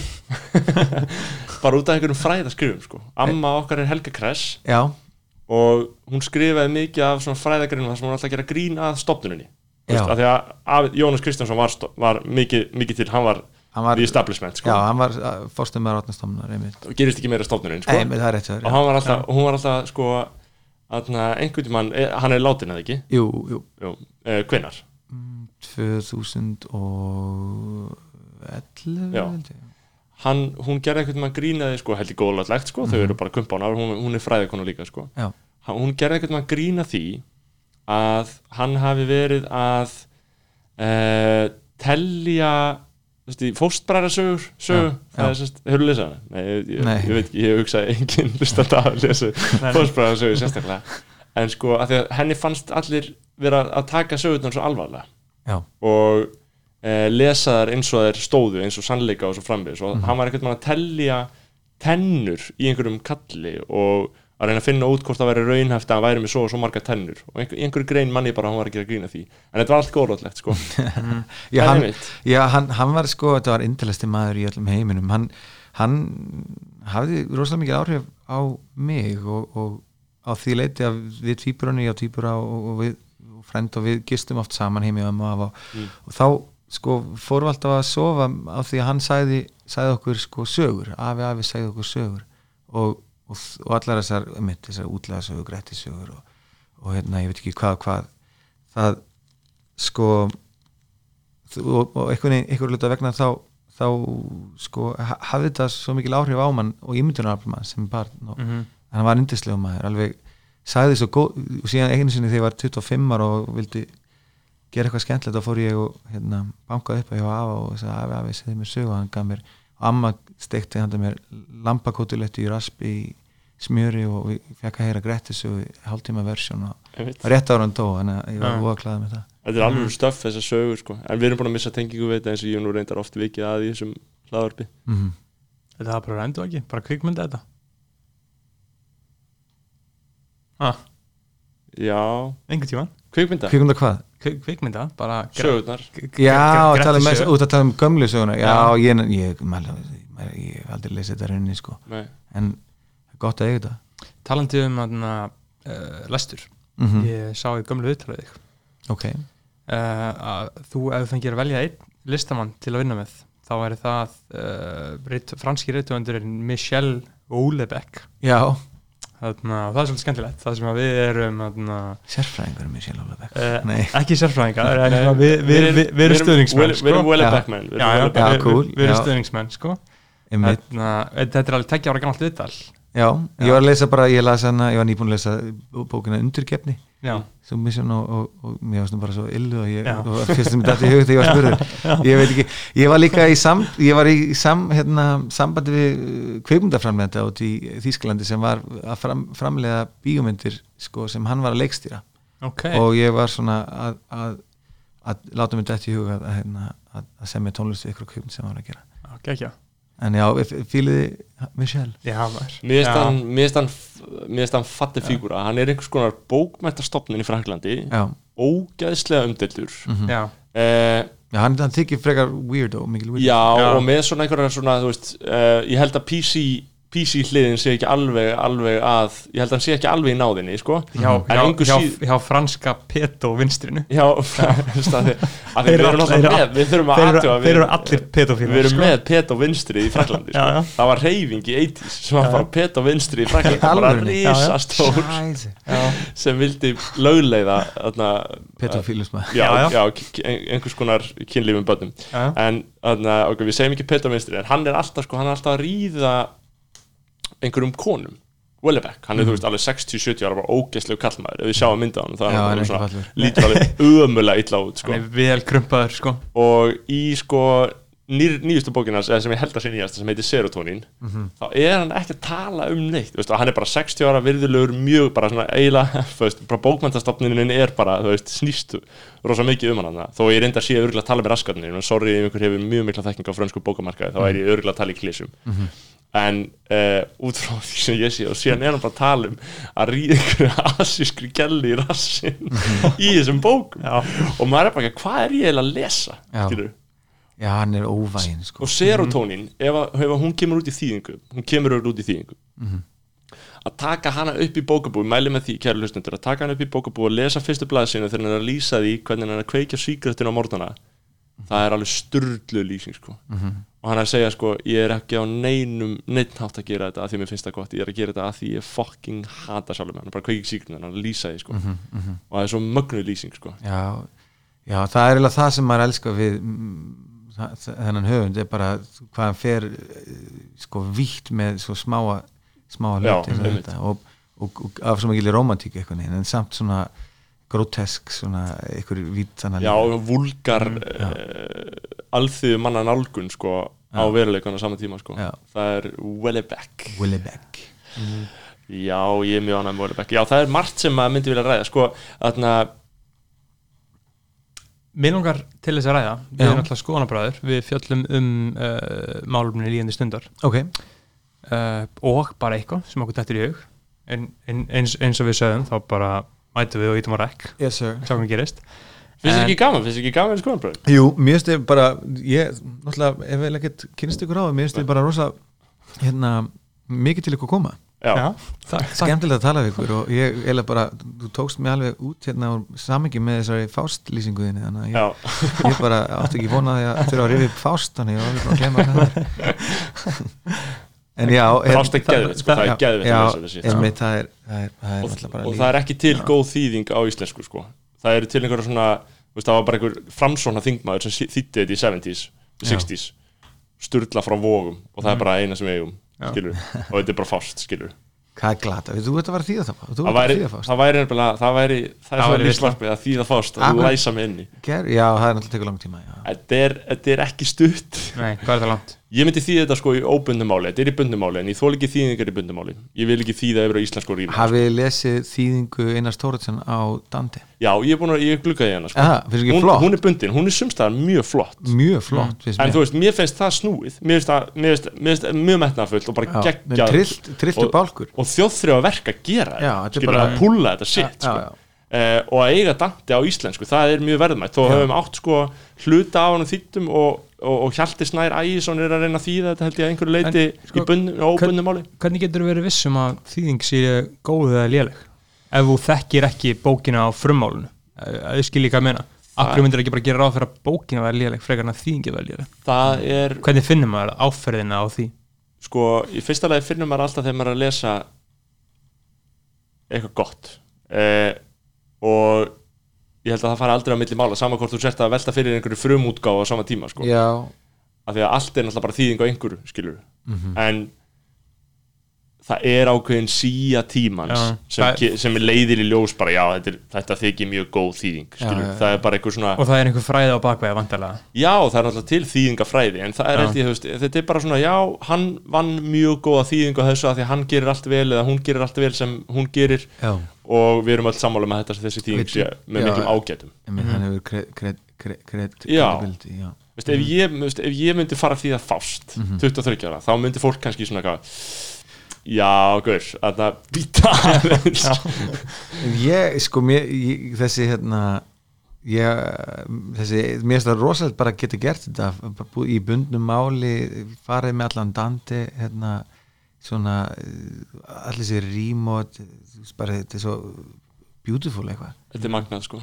Um, Þetta er það En varst þú ekki að reyna að nálgast já, eitthvað. Ég, ég, ég var að tala um málablinni líðandi stundar. Já, og það sem er svona helst að frétta í uh, popkultúrheiminum já, og hefur verið helst uh, í fyrirsögnunum það Mhm. er fjölustamæðurinn Kanye West Þarna- þú tala um frambóðið hana Já, Já. fra, frambóðið og aðalega bara svona núna eins og gerist í gær þá var kannski svona mest hvað gerist í gæri? uh, hann er náttúrulega uh, hann, er, hann er með bípólar, Einmitt. geð, geðkvar á íslensku eða já, ekki? Opnaði, eða svona opinberaði það 2018 emitt, og hefur síðan verið bara mjög bara talað um það opinberlega og hvernig hann berst við það og hvernig það kemur fram í list, listinni og lífinu og öllu. Mhm. Og núna hvað, það hafi ekki verið, verið svona tveimu vikum eða eitthvað? Þá tilkynnt hann fórstaframbóðið og fór mikinn á Twitter. Um, vakti mikla aðtikli var að segja svona alls konar hluti tala um uh, bólusetningar og tala um svona mjög umdeldar skoðanir svona talaði gegn að- var eitthvað að segja um Harriet Tubman sem að frelsa einhverja þræla, hún hefði ekki gert það og var með alls konar svona sem gerði fólk mjög reitt út í hann. Já. svona ó- ónærkætin komment frá hann um eitthvað svona. Og búin í fréttinu með það og síðan kannski svona píka þetta svolítið í gær eða fyrradag þar sem að uh, þá byrjar hann að tala sem sagt gegn uh, Kris Jenner mm. sem að sem sagt móðir Kim Kardashian eiginkonu hans og sem sagt amma batna hans. Já. og þá byrjar hann að tala um það að hún sé að reyna að læsa hann inni. Já, það, Já. ah, ok A- að hún sé að reyna að læsa hann inni í og, það hún, geðdild já, já, já, Já. og að, að hún sé á eftir honum og já, hann er bara í manju já. Og byrjar að tala um það að ofurlæti eins og heitir líka. Já. Og byrjar að tala um það að Kris Jenner hafi viljað setja börnin hans í einhverja playboy myndatöku var, var með það mikið á heilunum og var mikið að tala um það. En nefndi aldrei Kim, eiginkonu sín í þessu Já. í rauninni fyrr en í gær sem sagt á þriðjudag. Mhm. þá, þarna, þá byrjaði hann að tala gegn henni, eiginkonu sinni. Mhm. að hún var að læsa sig læ, læsa að, sig að, inni. að, að uh, uh, Kim var að já, Mm. að- að- hann, að- hann var líka að segja að Kim var að leina já, núna fyrst sko. Ah, ég skil. Og þarna og tala og ásakaði hana um að hafa sagði hann? Hann, sagði að hún fór, að hún fór að hitta greið. Mill og það hann hafði að tekið frá því því mómenti þá hafi hann verið á mótinni já þá að hún verið á móti honum og hann verið á móti henni já, og hann er búin, búin að reyna að vera að skilja hana. Já, ok. Hann sem sagt er að segja allt þetta á Twitter. Og, og að er að posta þessu á milli þess sem hann Svakalegt, líka postar svona uh, alveg ótengdum hlutum. Eins og Já. Dave Chappelle kom í heimsók til hans og þeir tókum eitthvað voða krútlegt myndband saman já, og nefndu þetta ekkert sem var í gangi líka. Mhm, hann er sem sagt byrjan í Wyoming Cody Wyoming, sinn búgarð þar sko. Uh, gerir ráð fyrir að Kim og hinn svona fjölskyldan sé í Los Angeles þar sem er heimili líka. Mhm. og er, virðist svolítið vera eitt þarna í Cody Wyoming. Wyoming, sko. Og er bara með síman og er bara já og er bara með síman og er bara að, að því hann er náttúrulega uh, ég held að sé nú, ég held að ég sé nú ekkit að búlseta að ég segja að hann sé svona áhrifamesti listamæður heimsins mm í dag. Hvað sem hann gerir fer bara í fréttinar út um allt skilur bara meiri segja bara vísur og MBL pikkað upp skilur já, hann er bara svo risastórt Já, bara svo ótrúlega áhrifamikill og öðna, fólk hefur svo mikið áhuga á honum Einmitt, svo einmitt. magnaði karakter einmitt, bara karakterinn er svo stór og, bara- og trilltur og, og hei, hann er heill heimur Já, hann já. er einhvers, einhvers konar náttúruafl sko. Já, já, af því að hann hefur gert svo, svo sem það, þess að þú erum að tala um list á hann svona, hinn fullkomna list er náttúrulega þegar hún er að búa til heim bara svo kallar world building eins og er Lord of the Rings og Game of Thrones og allir þessari fantasy og allt svona og góðsögur eitthvað. já, já, og allir svona stóru poppararnir hafa gert það, Michael Jackson mm Mhm. skilur bítlarnir, þeir eiga allir sinn heim life eitthvað já, og Kanye hefur rosa mikið gert það Mhm. með því aðalega bara endur nýja sig með hverja einustu plötu og allt svona og þess vegna hefur hann unni sér inn bara hennan rosalega aðdándahóp sem hann bara stendur með honum í einu og öllu einmitt. og en síðastliðin ár hefur hann rosalega mikið verið að valda fólki vonbriðum já, til dæmis með trömpismannum og alls konar svona umdeildum skoðunum sem að ég veit ekki hvað svo alvarlega fólk tekur já, út af þarna, eða hvort maður á að taka alvarlega því sem er sagt í svona manju ég veit ekki hva, hva, hvernig á að uh, túlka það. En sem sagt hann já bara í gær þá þarna, fór hann svona, þetta píkaði svolítið mikið hjá hann sko, og, og Kim Kardashian gaf út í dag yfirlýsingu á Instagram hjá sér bara að Kanye væri andlega veikur og það væri ótrúlega flókið að díla við svona og bað fólk bara vinstilegast um að hvað, sína nærgætni og þau myndu bara leysa úr þessu sem fjölskylda einhvern veginn sko. Mhm. og þú veist, ég vildi bara þú hefur áður talað um í fjölmjölum, högni, já, um svona þín mál með, með við andleg já, ég, Málefni. men, meina tölum bara hreint út, ég er með geðkvör ég er með Já. bíbular og, og hérna, hef átt, þú veist, ekki hérna hvað að segja, ég hef átt hérna sambærileg ö, svona reynslur þó náttúrulega sa- sambærileg reynslu fyrir mm -hmm. fyrir nokkrum árum er komin átta ár síðan ég greindist með Já. geðhverf og, og, og þessar, þessar ég, hef oft, ég, meni, ég vissi að hann var bípolur áður en að það, hann gaf það út sko, já, þú veist, þú kannst og- sé það já, já, ég meina Yeezy platan og, og, og Mhm. bara þessi hvernig hann hérna hve- hvernig hann talaði með, líka all, all þessi svona daður við trúar hérna minnin og, og, Mhm. og ég er andlegur, hérna ég er spámaður ég, Yeezy, Jesu býr í mig ég er hérna þú veist þessi mikil mennska og líka bara svona að, að telja sig vera snertur að þeir í máttarvöldum Mhm.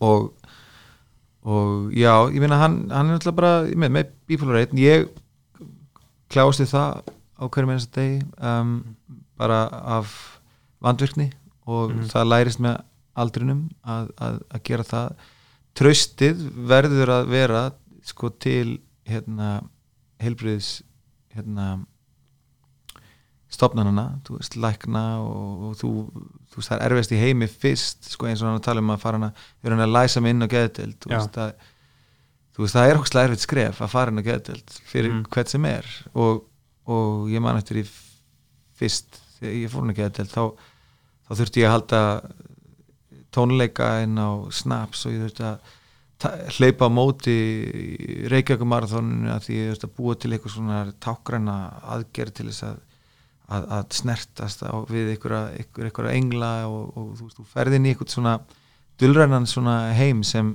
sem er sem er uh, eiginlega ekki hægt að lýsa með orðum að því að þetta eru svo kraftmiklar upplifanir um, þau gera náttúrulega bara umhverfið eitt rosalega sko ágjöfullt og þetta er rosalega hérna mikil byrði fyrir, Mhm. fyrir sko fjölskyldu og vini og ég hef átt alveg dásamlega vini dásamlega fjölskyldu sem hefur stutt við bakið á mér bara í, í blíð og stríðu. Og ég get verið svo þakkláttur fyrir baklandi mitt af því að hérna, hef alltaf geta komið tilbaka og að vinir tröstir koma að heimsækja mig og, og, og með árunum þá, þá lagast á minga sveiflunar þetta er að snýst alltaf um bara sveiflur og, og að taka lifin sín um, hérna sómasamlega og halda sér frá örfandi efnum og, og hérna og svolítið vera aðriðlega skakvart því að þú ert með sjúkdóm það sem ég held að kann ég er ekki er hann er, Mhm.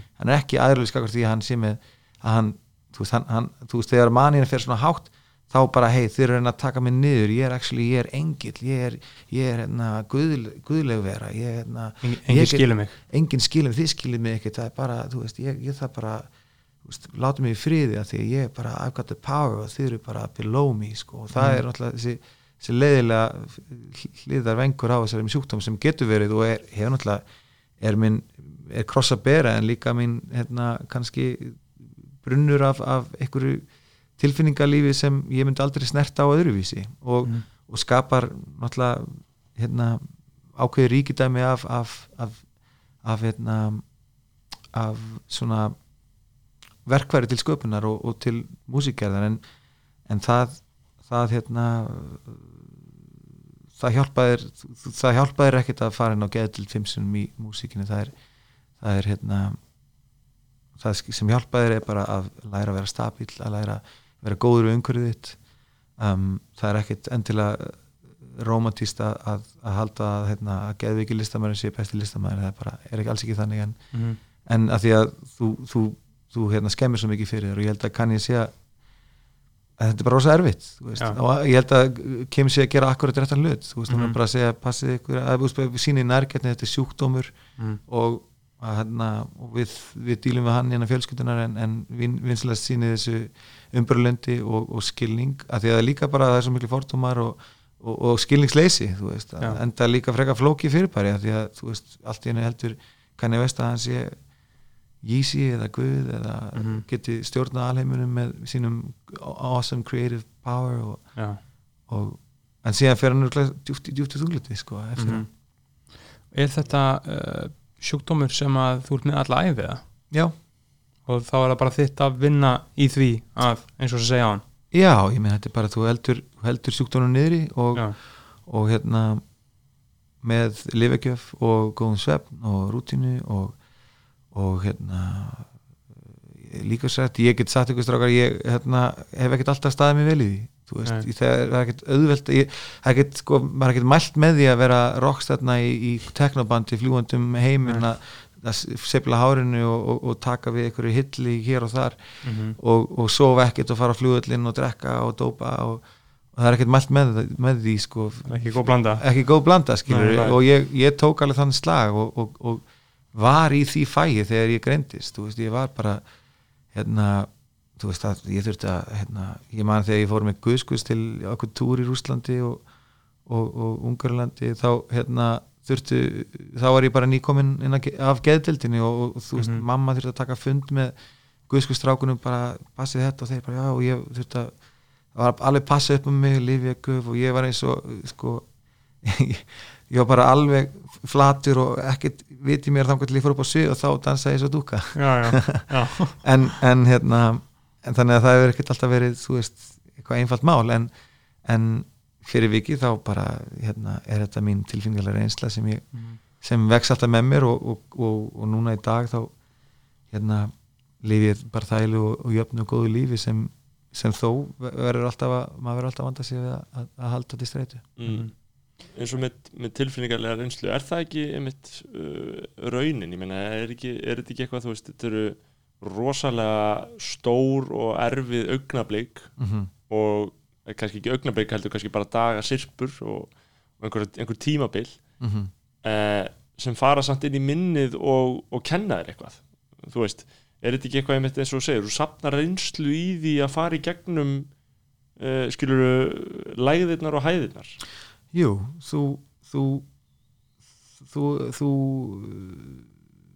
þú átt svona mjög, mjög dýnamíska tilveru þú veist, þú finnur virkilega fyrir þjáningunum, þú finnur virkilega fyrir því hvað er að actually að, að komast í snertingu við við, við heiminöflin og, og þú finnst þú geta lesið inn í inn í hérna stjörnunar og þú sérð þú veist, þið finnst þú sjá ekki um tíman og þú, þú veist, þú upplifir svo, svo stóra hluti sem einhvern veginn taka purti svolítið svona akkirðitt bara í hjartingu þína um, þú veist, ég myndi aldrei vilja hafa það neitt öðruvísi og vildi aldrei, ég myndi aldrei segja og ég hérna, vildi óska þess að ég hef aldrei greinst með bípólar um, ég hef gert gert mig að þeim manni sem ég er í dag og, og, um, og það, það er bara sem, sem er mitt líf og ég bara Mm. Nýt þess að, að setja það í tónlistina mína en eins og ég segi þá, hérna, þá skiptir mjög miklu máli bara að, að, hérna, að fjölskylda og maki og, og vinir þú veist, það hefur verið mín lífskjöf þú veist, Mhm. að, að eiga svona gott fólk í kringum mig Mhm. Já, þeir meina það er bara, mér finnst bara magna svo státa, maður, maður er svona imponeraður sko, ég, ein, ein, ein svona loka spurning um þetta þarna uh, þessi sjúkdómur mm uh, fæðist fólk með hann þú veist, hvernig, hver, hver, hverjar eru líkunar á því að einhver fái hann að sjúkdóma og hvernig gerist þetta?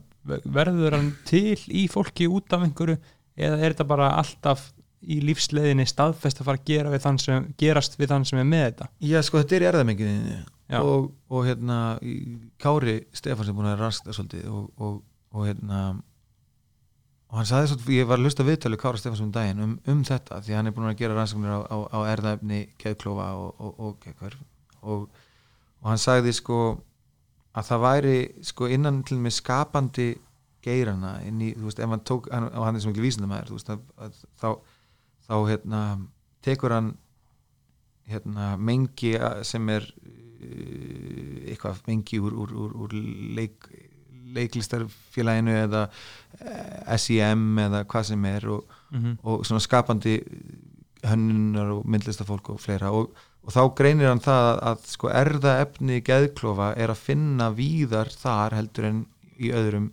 stjettum en það er sko en, en, en sjúkdómurinn vaknar ekkert í öllum. Hann er bara í, hann vaknar við ákveðið fyrirbreyði, í mín tilvíð þá vaknaði hann við það að ég var að hérna reykt alltaf mikið has Mm. tók að mikið kókain og, og hérna og þá kviknar sjúkdóminn Ok. og þá þannig að það er, er, er þess vegna er, getur það verið svo passamt að maður verið að vara sig á heitilunum það, það, það, hérna, það er Dionysisun sem er að, að, að bröðfæði þar sko. Já, ég, ég er þarna, ég ég held að ég held að uh, það sé rosa vandamál með, með kannabisefni sko í samfélaginu sko. Sé ég, ég álít þetta hættulegt í þessum skilningi Mhm. sko að því að já, eða veist, ég er ekki að segja að þetta valdi hræðilegum skada og ég er ekki að segja að þú sett skilur að þetta hafi eins og þú segir, skilur þetta er bara sá sem þú ert skilur en Mhm. ég er að segja, þetta er, þetta er hætta sem er fyrir hendi. Já.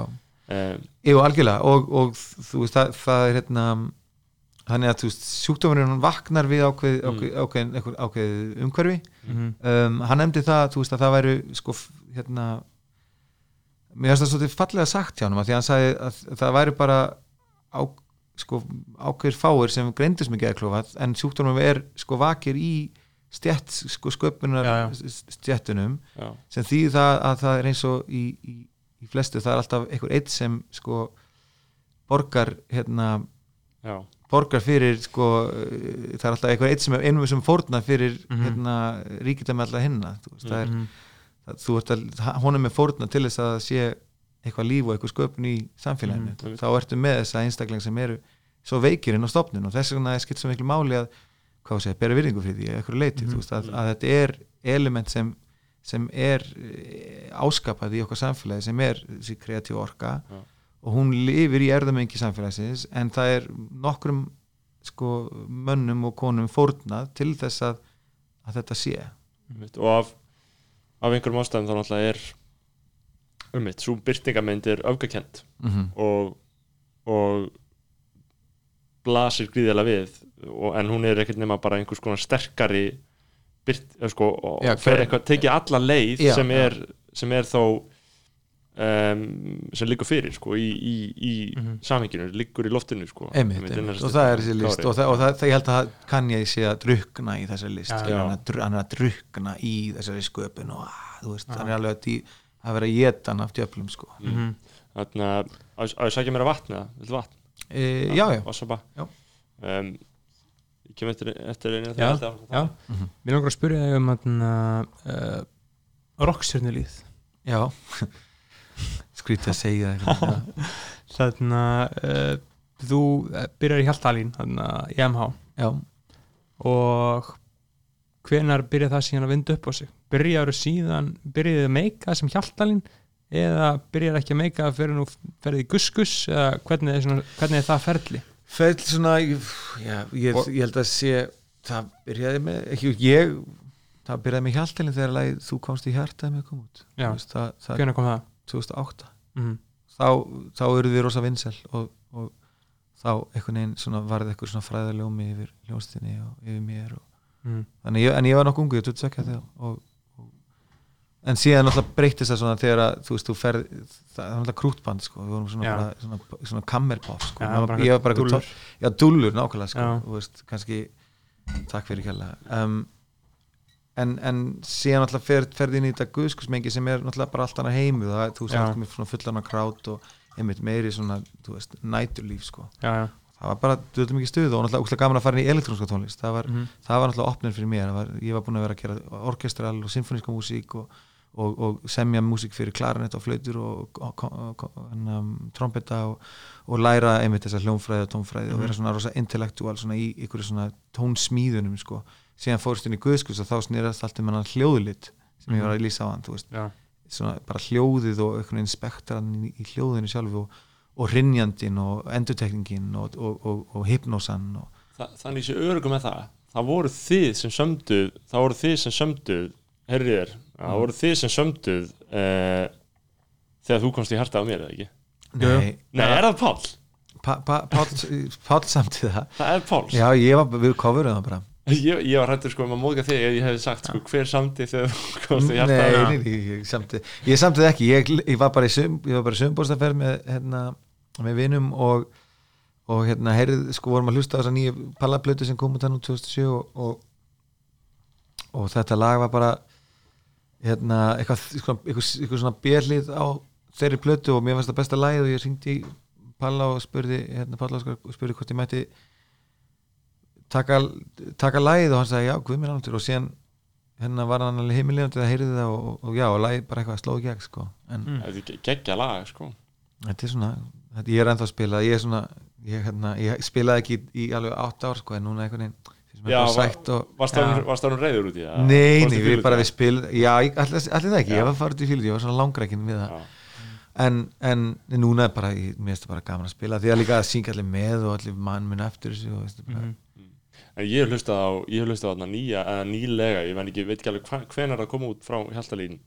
Uh, Hversu nýlega hafið þið gefið? Við vorum að gefa út plötu fyrir stuttu. Bara, bara, mjög stuttu bara núna í síðust mánu eða í mánuðinum? Jú, Ok, ég er ég er ekki búin að taka henni en ég tók það sem kom á undan, mér finnst það svo, það svo fucking gott shit sko. Ertu að tala um plötuna sem kom undan eða lag sem kom uh, bara eitthvað á Spotify eins og ég segi, ég er svo, ég er svo mikið eitthvað ég íti bara Já. eitthvað Spotify, gó- gó- já, algjörlega, ég meina það, það hérna, já, takk fyrir það, gaman að heyra. Jú, við, við, við hérna, það er alls konar lög, við erum búin að gefa út fullt af músík og hún er alltaf að og eru það alltaf öll með í öllu eða, þú veist? Já, Það- já. svolítið svona. Og þessi platta, en síðasta platta kom út fyrir fimm árum eitthvað svoleiðis eða ekki? Nei, leng, lengri Lengri tíma? já, bara fucking langt fyrir síðan já, já, 2012 já 13, og vá hún- hvað það er langt, það er svo grei einmitt. já, já, og síðan ja, það, var bara, það var bara svona sko, kveikmyndaskor, síðasta stúdíóplata kom Terminal.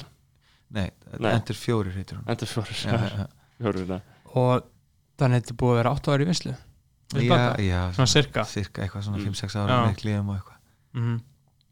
hvernig er tilfinningin að bara góð bara Kom- koma inn út? jú, bara aðeinsleg það er bara, mm, fá maður að fæða gott feedback og er- fólk er að senda manni skeiti hlusta á hana okkur ferðalögum og, Mhm. já, og, hérna, og fyrst og fremst er þetta alltaf bara snýst um það að búið til þá tónlist sem já, er verið að vanda þessi mest og, Mhm. og, og þá trúum maður að, að tónlistin bara taki sig eins og taka fljóð eins og, flösku, skeiti sko. en svona elektrónik dæmið Mhm. eins og talum Gus Gus og, og bara öll þessi sena og um, ég, ég bjó mjög stutt núna um árið í Berlín Mhm. eh, stundaði klúbana ekki mikið en vissulega sá þá og fór Mhm. inn á það og fór á staðinn Nett. og fucking shoot shit já, verið svolítið klikkað en geðvitt, bara, þú veist, þetta er bara áhugaverðasti eða bara svona mest, mest svona uh, ég vil ekki nota ennsku en bara svona engaging staður bara að vera bara, þú veist, þú ert bara hérna, getur maður bara farið inn í eitthvað og verið hluti af einhverju, skilur og bara, bara berghæn og það er bara Mhm. tónlist og það er bara algleimi og það er bara, skilur já, þetta er svona svolítið trúbóð já, já, þetta er bara, þetta er bara eitthvað svona alvöru staður og ég hugsaði bara, þú veist þetta er bara einhver staður inn í staðinum veist, við erum með Berlín sem er borg þú veist, þetta eru bara leigubílar og fólk og turnar og viðskipti og, fólk í skýrtum Mhm. og svo bara á þessum stað þá á þetta allt sér stað, bara inn í einhverju bygging bara freaks come out at night. Og, og ég kom inn þegar ég kom að inn fyrst sko, því ég, anna, ég er bara úr vesturbænum skilur, ég er bara farið í mestarlega prikið. S- svona svona Helgu Kress. Já, þú veist. Þannig að ég, er bara þar. Og kem ég að hugsa skilur þetta er siðróf ég hugsaði í já, jákvæðum skilningi skilur þetta er bara það sem ég var að tala um þetta er siðróf, þú veist hérna er ekki lengur en það gildir ekki að sama utan þessara veggja og mér finnst þetta svo aðeinsvært og mér finnst svo mikil vöndun á þessu og ég veit að það er dystopía að fá þetta á Íslandi. En, en hvað finnst finnst þér að svona ætti, finnst þér að klubbar ætti að vera til á Íslandi? að sjálfsögðu, að sjálfsögðu. Þetta er bara, eh, þetta bara hérna, fögnuður yfir tónlist og gleði og klúpar og, og, og danstónlist er bara æði, gaman að dansa, það er allir dansaði í Reykjavík lengur. Það er, það. það er bara svo lítið dansa, það er ekki, er Nei. hvað er, þetta að dansa? Mér er svo gaman að dansa. Það er bara, það vantar, vantar klúb það er opna klúb á grandanum. Ef við erum átt á klúbu Nei, það þarf að Við, gera Já, já, já. Við, vorum með Jeff á prikinu hérna, í já, Vitali gott, Já. gott, gott, og við vorum að segja hann er, það hann er on it sko. Er það? já, já. Næ- næturborgarstjóri, opna út á Granda. Uh, það, væri frábært epískt, sko. það var epist, já, þá, þá ætla ég að DJ Já. Já, er það ekki? Jú, Um, sko, en þú, en þú, shiti, þú maður. aðna ferð uh, hvernig gengur til leys við Guskus 2011 2011 með plötuna Arabian Horse. Já, með, með uh, þú komst þá bara inn í þú, þú varst með því gerð þeirra blötuð ekki? Jú, þú syngur á henni. Jú, ég syng samdi og syng. Og það verður rosalega vinsælt Já, hún verður svolítið stór og það, Já. veist, ég átti ekkert vona því að ég myndi einhvern veginn ganga inn í þá hljómsett sko, það gerist ekki nefna bara því að einhvern veginn lögin einhvern veginn sm- smullu svona vel bara og, mega sens Já, og bara, þú veist, fólk digga, bara elska þessi lög og, Mm.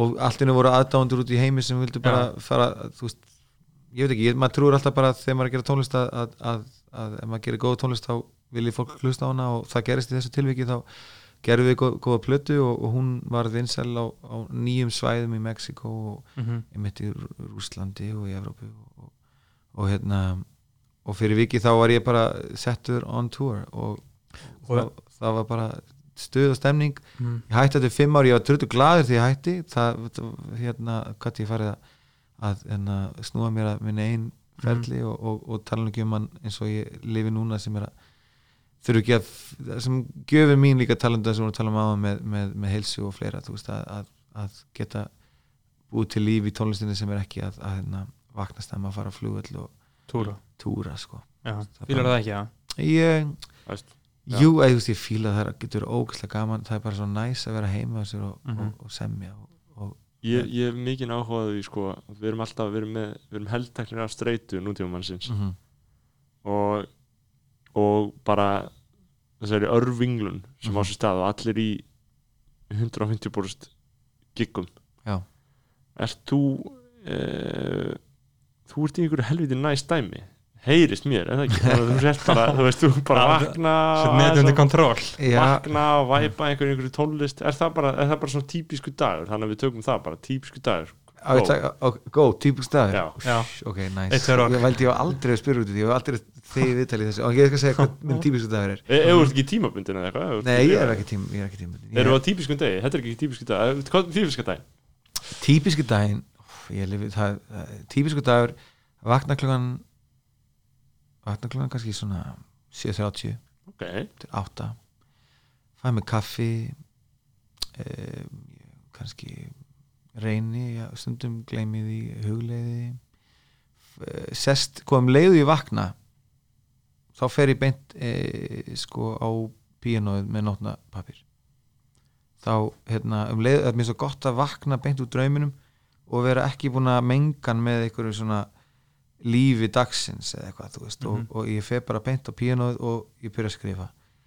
Um, og, og reyni að gera það í svona tvo tíma þá fer ég í sund eða að ég fer í körfubólta um, svona frá tíu til hálf tólf þá hérna fer ég í sund eða fer ég í körfubólta og síðan í sund. Við tek svona bara dripplæðingar og, og, og skotaðingarnir í valsemili og fer síðan í vestbæðlegin og, og, fer í gufuna.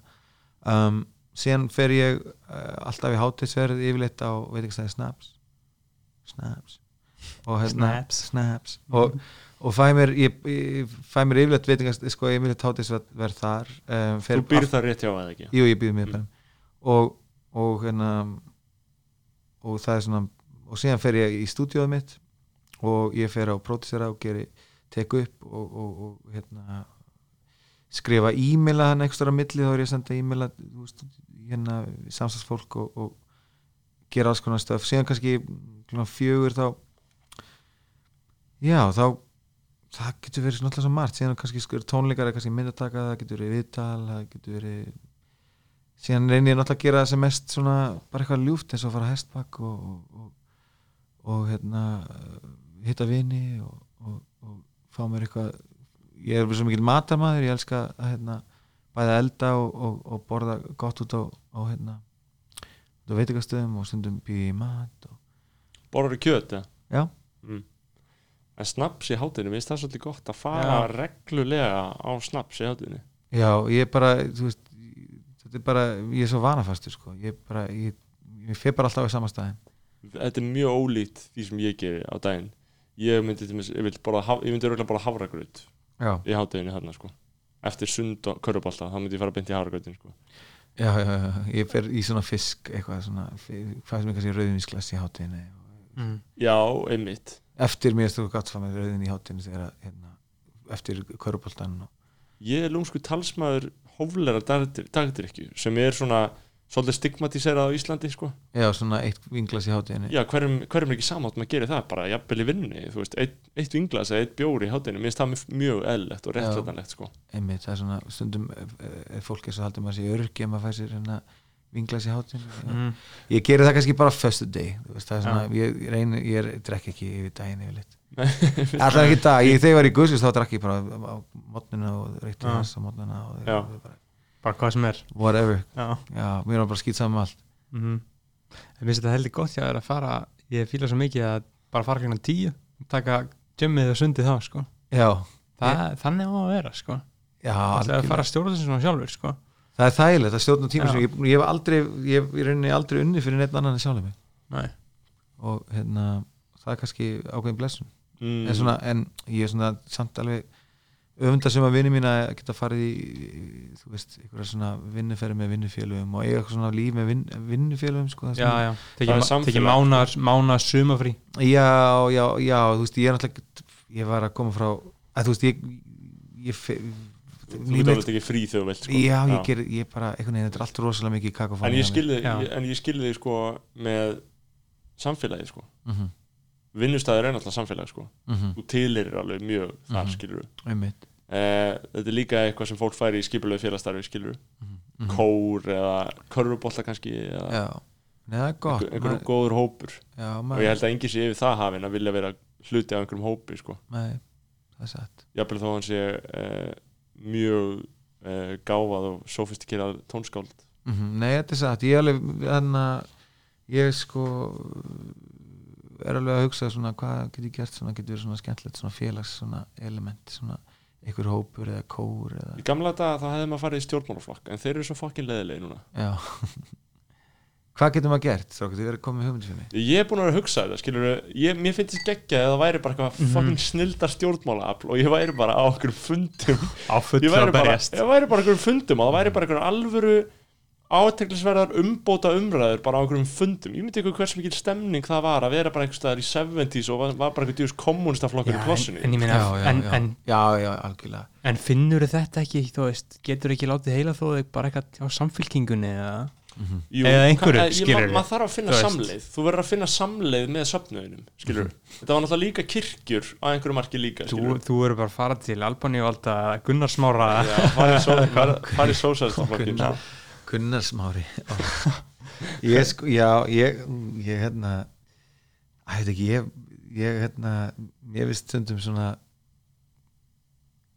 ég, ég veit ekki ég, svona, það, við þurfum að vera bara umburlend fyrir hvort öðru og all, allan kanta, ég var með svona vinstri hægri eitthvað, það það bara finna leið til þess að láta virka fyrir ég var, ég var alveg til að vera bara í framsónaflokkinum skilur já, eða, eða sjálfstæðisflokknum ef ég væri í því stöði, mér langar bara í stemninguna. Já, ég af skil. því að, að þessi stemning er snild skilur, já, já. það lítur að vera að vinna umbótum fyrir samfélagið. Að vera bara á landsfundi bara ótrúlega fjölmennum landsfundi og allir eru bara í sömu stemningu þetta ætlum við að gera, ætlum að gera landi betra skilur og ég held að, ég held að þetta sé inn í staður þar sem einhverja umbætur geta átt sér stað inn í okkar rótna kerfi. Mhm. en að fólk lætur sér ekki hafa þetta umhverfi að þetta er svo fjandsamlegt og slæmt. Já, þú meinar það á bara að, sko, peppa stemningarnas betur og gera þetta aðeins meira svona opið fyrir fólki einhvern veginn. Já, hvað getum við gert, skilur Já, ég veit að ég hef bara aldrei hugsað út í að gangi í stjórnmálaflokk sko. Nei, en þú veist þetta er góða punktur hjá okkur sko, að finna ykkur stað til þess en að akkur ekki stopna ekki ykkur eða stjórnmálflokk okkar eða stjórnmálafl það væri náttúrulega helst veisla sko. það er skoðan að bræðarlegið já, já. við vorum að tala um vorum, vorum, með vorum með Gísla Martin í enna, þettinum sko. já og þá vorum við í þessum umræðum sko, að stopna stjórnmálafl með honum sko. Stjórnmálafl með honum, já, hann vil alltaf vera í liðum öllum sko. hefur þú, ekki farið í þáttið hans eða? Jú, jú, jú, Já. ég farið þá til hans nokkru að hann er, hann er, hann er skoðanabróður, hann er komið til okkar þáttir sko. Málið er límitt líka, þú veist eh, ef maður stopnar eitthvað svona, þá er svo mikil hætta á, þú veist, ég veit ekki alveg hver er hugmyndinar yrðu, skilur Sko, ímyndið PC-fasismin, Í- við, höfum, við töluðum líka alltaf um það, sko já, já, við tölum það, ég smá svona orðin uh, aflega þeirri kenningu sko. Já, þú veist, þetta var svona gömul kenningi á okkur í fyrra sem heit PC-fasismin Já, sko. bara að bara fasismi temprað temp, Já, þetta er þetta, þetta klassika að vinstri já, vinstrislagslega sé nei, við vorum, þeir ekki, sem við vorum ekki að ekki kvarta um því sko. að, ég, ég, ég, það er, það er ákveð problem Já. sem er alltaf verið að tala um. Við vorum að tala um skilur að setja fót kerfið það sem er einhvers konar einráður já, sem það er sem bara PC einráður sem myndi bara taka réttu ákvörðunina skilur akkurat, myndu bara koma á kynjajafrætti útrýma rasisma, bara með hörðum nefa leysa upp Facebook, leysa upp. Instagram. Já, Já. menta sko, menta Mennta lýðræði einveldi, sko. Ment- Já. ment- já, ég líka bara að taka kostninga hérna einhver sagði að að taka kostningaréttin af fólki að því að, að það væri svo mikið verið að manipulera fjöldan með sko ef þú að, um leiðu þú tekur kostninga kostningaréttin af hérna, fjöldanum þá, og fólk þarf að fara gegn einhver próf til þess að, að hérna, geta kosið þá kemur við vekk fyrir það að, hérna, að stjórnmála upp hérna, manipuleri hérna, sko. En, en þá erum við samt komin í svipa sko, eins og í gamla það máttir ekki kjósa hann máttir eignir já, já, já, áttu búkar. Já, það var aftur, aftur komin í þá kúin já, sko. já, það er ekki gott. Já, nei, ég skilji, það er bara svona einhver svona, einhver inn, innræði geti verið bara menn já, ég meina það er svo mikið eitthvað svona vand- vandamálum. teknokrasía skilur Já, bara, svo- eitthvað, bara eitthvað svona algjörlega praktiska lausni bara já, þetta vandamáli er skilur þú veist, að því að mér finnst rosa áhugavert sem ég var að heyra hlusta á, á ef ég er ekki að grípa fram með fyrir Bergþórs, nei. Þarna, mér finnst rosa áhugavert sem var að segja sko, David Simon sem skrifaði Wire sem ég, að, ég er búin að vera að horfa á, á YouTube þar sem að David Simon er að tala sem er þessi gauð sem skrifaði sjónvarsýrinn The Wire. Mhm. Þarna, og hann, hann var að segja bara það er ekkert skadleira en svo hugmynd fólks að þeirra leið sé eina leiðin til að leysa öll vandamálin. Mhm. Eh, einhver sko að segja bara taka bara hvaða vandamál sem er og henda bara orðinu frjálsmarkaður í það mun alls ekki virka. Að taka hvaða vandamál sem er og henda bara einhver svona, einhverjum kommunískum pælingum í það mun ekki virka. Heldur er bara hvert og eitt vandamál í samfélaginu þess eðlis að það er einstakt og það er bara að koma að því frá mörgum hliðum. Mhm. hérna þarf einhvern frjálsan markað hérna þarf einhverja svona miðstýringu. Mhm. hérna þarf að sapna bara sköttum frá öllu til þess að geta haldið upp í þessu. Mhm. hérna er alveg hægt að leifa þessu bara leika lausum hala. En þú veist, fólk sem einblínir eða festir sig í einhverja hugmyndafræði það er, þarna liggur rótin í vanda þess að vera fastu við einhverja hugmyndafræði er að segja bara, nei, þetta er lausnin við þessu. Þegar það blasir við að þetta er ekki lausnin við þessu vandamáli, skilji? Já, það er, þetta, þetta er allt svo hverfilt já, og, og allt allt er svo margla á flókið. Já. það er ekkert sem verður bara list með einni einmitt. heldur er það bara eitthvað svona samfélagslegt já, já, ég meina eins og allt þessu flóki ég meina bara á síðastlega tíu árum hafa bandarík stórfyrirtæki ná heimsýður á þeim, skilur Mm. bara Facebook, já, Google og Amazon, skilur þau eru bara algjörlega búin að endur forrita hvern einasta jarðar búa, skilur, já, þú ert ekkert með fólki án þess að sé síma sinna á fimm minúta fresti, skilur, þau eru bara búin að taka hvern og einn heila já, í alheiminum Já. og bara endur forritan til þess að þau græði pening, skilur já, veist, og maður sjálfur, skilur, jú, jú, ég kvart yfir þessu og finnst þetta forlænt og eitthvað en ég bara, þú veist, það líður ekki hálftíma og ég tekja síman, skilur, Einmitt. og Þeir- þú fær upplýsingar og þú fær hérna, Já. nýjar sögur til þess að elda og Já, já. nýja drauma til þess að sækja og kaupa og, bara til þess að þessi Já. stórfyrirtæki græði og græði og græði og græði og Já, græði, já. skilur, það, er- það er bara megin prinsipið, skilur, nýja, nýja heims hérna, valdastarnan þetta er það, sko þetta er skeri, Hvern- hvernig ert þú á Instagram?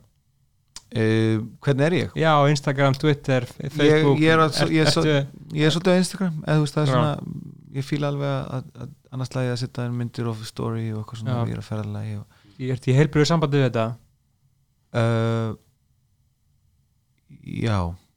Er en, en ég samt sko, samt þetta er svona dregur andana frá manni, þú veist, þess vegna segi ég fyr- fyrir ég alltaf á, á sko, að skrifa hérna, bara um leiði vakna því að þú veist, um leiðu ferði síman þú veist, það, Mhm. það, ég er samanlega þetta er svona, þetta, þetta, er ég var einmitt að hugsa, að já, ég sleppa síman og fara á mig bara 50-10 og, og bara aðeins að slökka á Instagram og vera að skoða hvað fólk er að gera og Mhm. fylgjast með allu um, ég á svona passlega, he, passlega heilbrið við það en Já. ég er alveg svona ég, er að spája þetta er slippery slope þetta er slippery slope sko, líka Já. bara að þú ert fljótur að fara að fylgjast með og bera þið saman og Mhm. skoða og finnst þú vera að missa af einhverju og, Mhm.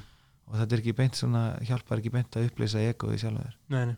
og mér finnst þetta aðal hættulegt sko hvernig maður upplifir að, annað fólk sko já, maður byrjar að dæma út frá þeirra, uh, þeirra prófílum Já. og þeirra byr- sjálfsbyrtingamyndum Já. þannig inni sko já, já, sem er stórhættulegt sko mm. af því að þú veist, ég einhvern veginn hugsa ekki um mitt persónlega Instagram þannig sko, nei, skilur ég hugsa ekki endilega þetta sé eins og ég vil að fólk sjáu mig, nei. en samt sé ég fólk. Hvernig það, setur sitt Instagram. Skilur hvað ég meina? Aha. Já, ég þú fer að lesa, maður fer að lesa já, já, já hann fílar hérna innan úr sönnun og hann er greinlega hann er að fíla þennan þetta, er bara profil og þetta er svona, það er kortur í það að þú veist, að það veri bara einhver kýmiski kallar sem eru að búa til hérna, taka upplýsingarna frá kaupa upplýsingarna á Facebook Mhm. og hérna búa til eitthvað svona hérna, andlits svona video augmentation sko, Já. og fara að búa til eitthvað svona profil af, af einhverjum konum eða köllum sem eru hérna þú veist bara að skapa eitthvað svona eitthvað, eitthvað, ást bara eða þú veist að gyrnast og tæla fólk með einhverjum svona skilur einhverjum, einhverjum, einhverjum svona robotum sko. Mhm. Kortir í það sko. Það er, El- Elon Musk er að vinna í því sko. já, já, það er þessi það er þessi fucking það er þessi þessi gerfugreind sko. Hún er að fara að vera bara ímynd ykkur. Getið geti þið sé eitthvað fyrir ykkur þannig að við, þannig að áður en við, áður en við förum að binda enda, enda á eh, hérna, það er komið miðnætti, það er náttúrulega gott að taka það fram í, í góðum þætti hérna. við, erum komin, við erum á góðu miðnætti hérna. en áður en við bindum enda á, á þetta ekki að við þurfum að fara að gera það eitthvað umsöðalaust mm en þú veist, með þessa gerfugrind þú veist, ég var að hugsa um daginn bara því ég var að keira í bílnum að þetta hliti að enda á einhvern stað sem ég sé alls ekki fyrir mér einmitt núna.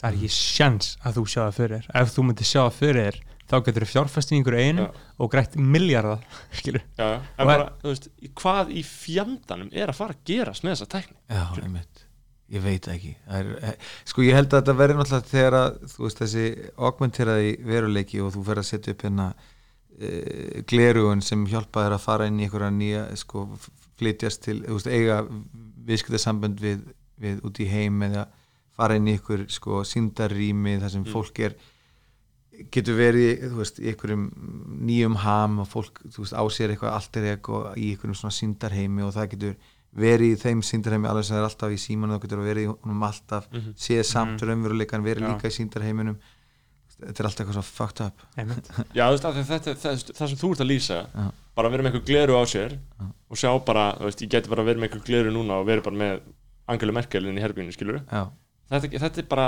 raunverulegt bara eftir, þú veist mjög fá ár, mm -hmm, skilur já Það þú veist, og það getur hver sem er sko, bara er- að feika það að vera Angela Merkel skilur, Já, að, að því að þú, þú veist, það, þú getur bara það, það verður ekkit nei, nei, veist ekkert það, hvað er sagt. það er bara eitthvað, skilur Nei, og sko uh, ég, ég nenni eiginlega sko eða svona ég, mér finnst svona oft þreytandi að velta mér upp úr í hvað þetta er sko. En það sem ég finnst skemmtilegast við þetta er sko það sem er að fara að gera eftir, gerast eftir sjö ár það er einhver búin að spá fyrir því núna skilur, það er einhver gaur á Twitter sem að sagði þið eitthvað fyrir fimm árum. Já. bara eitthvað bullshit, bara eitthvað prediction skilur, Já, sem að mun síðan vera dreigið upp.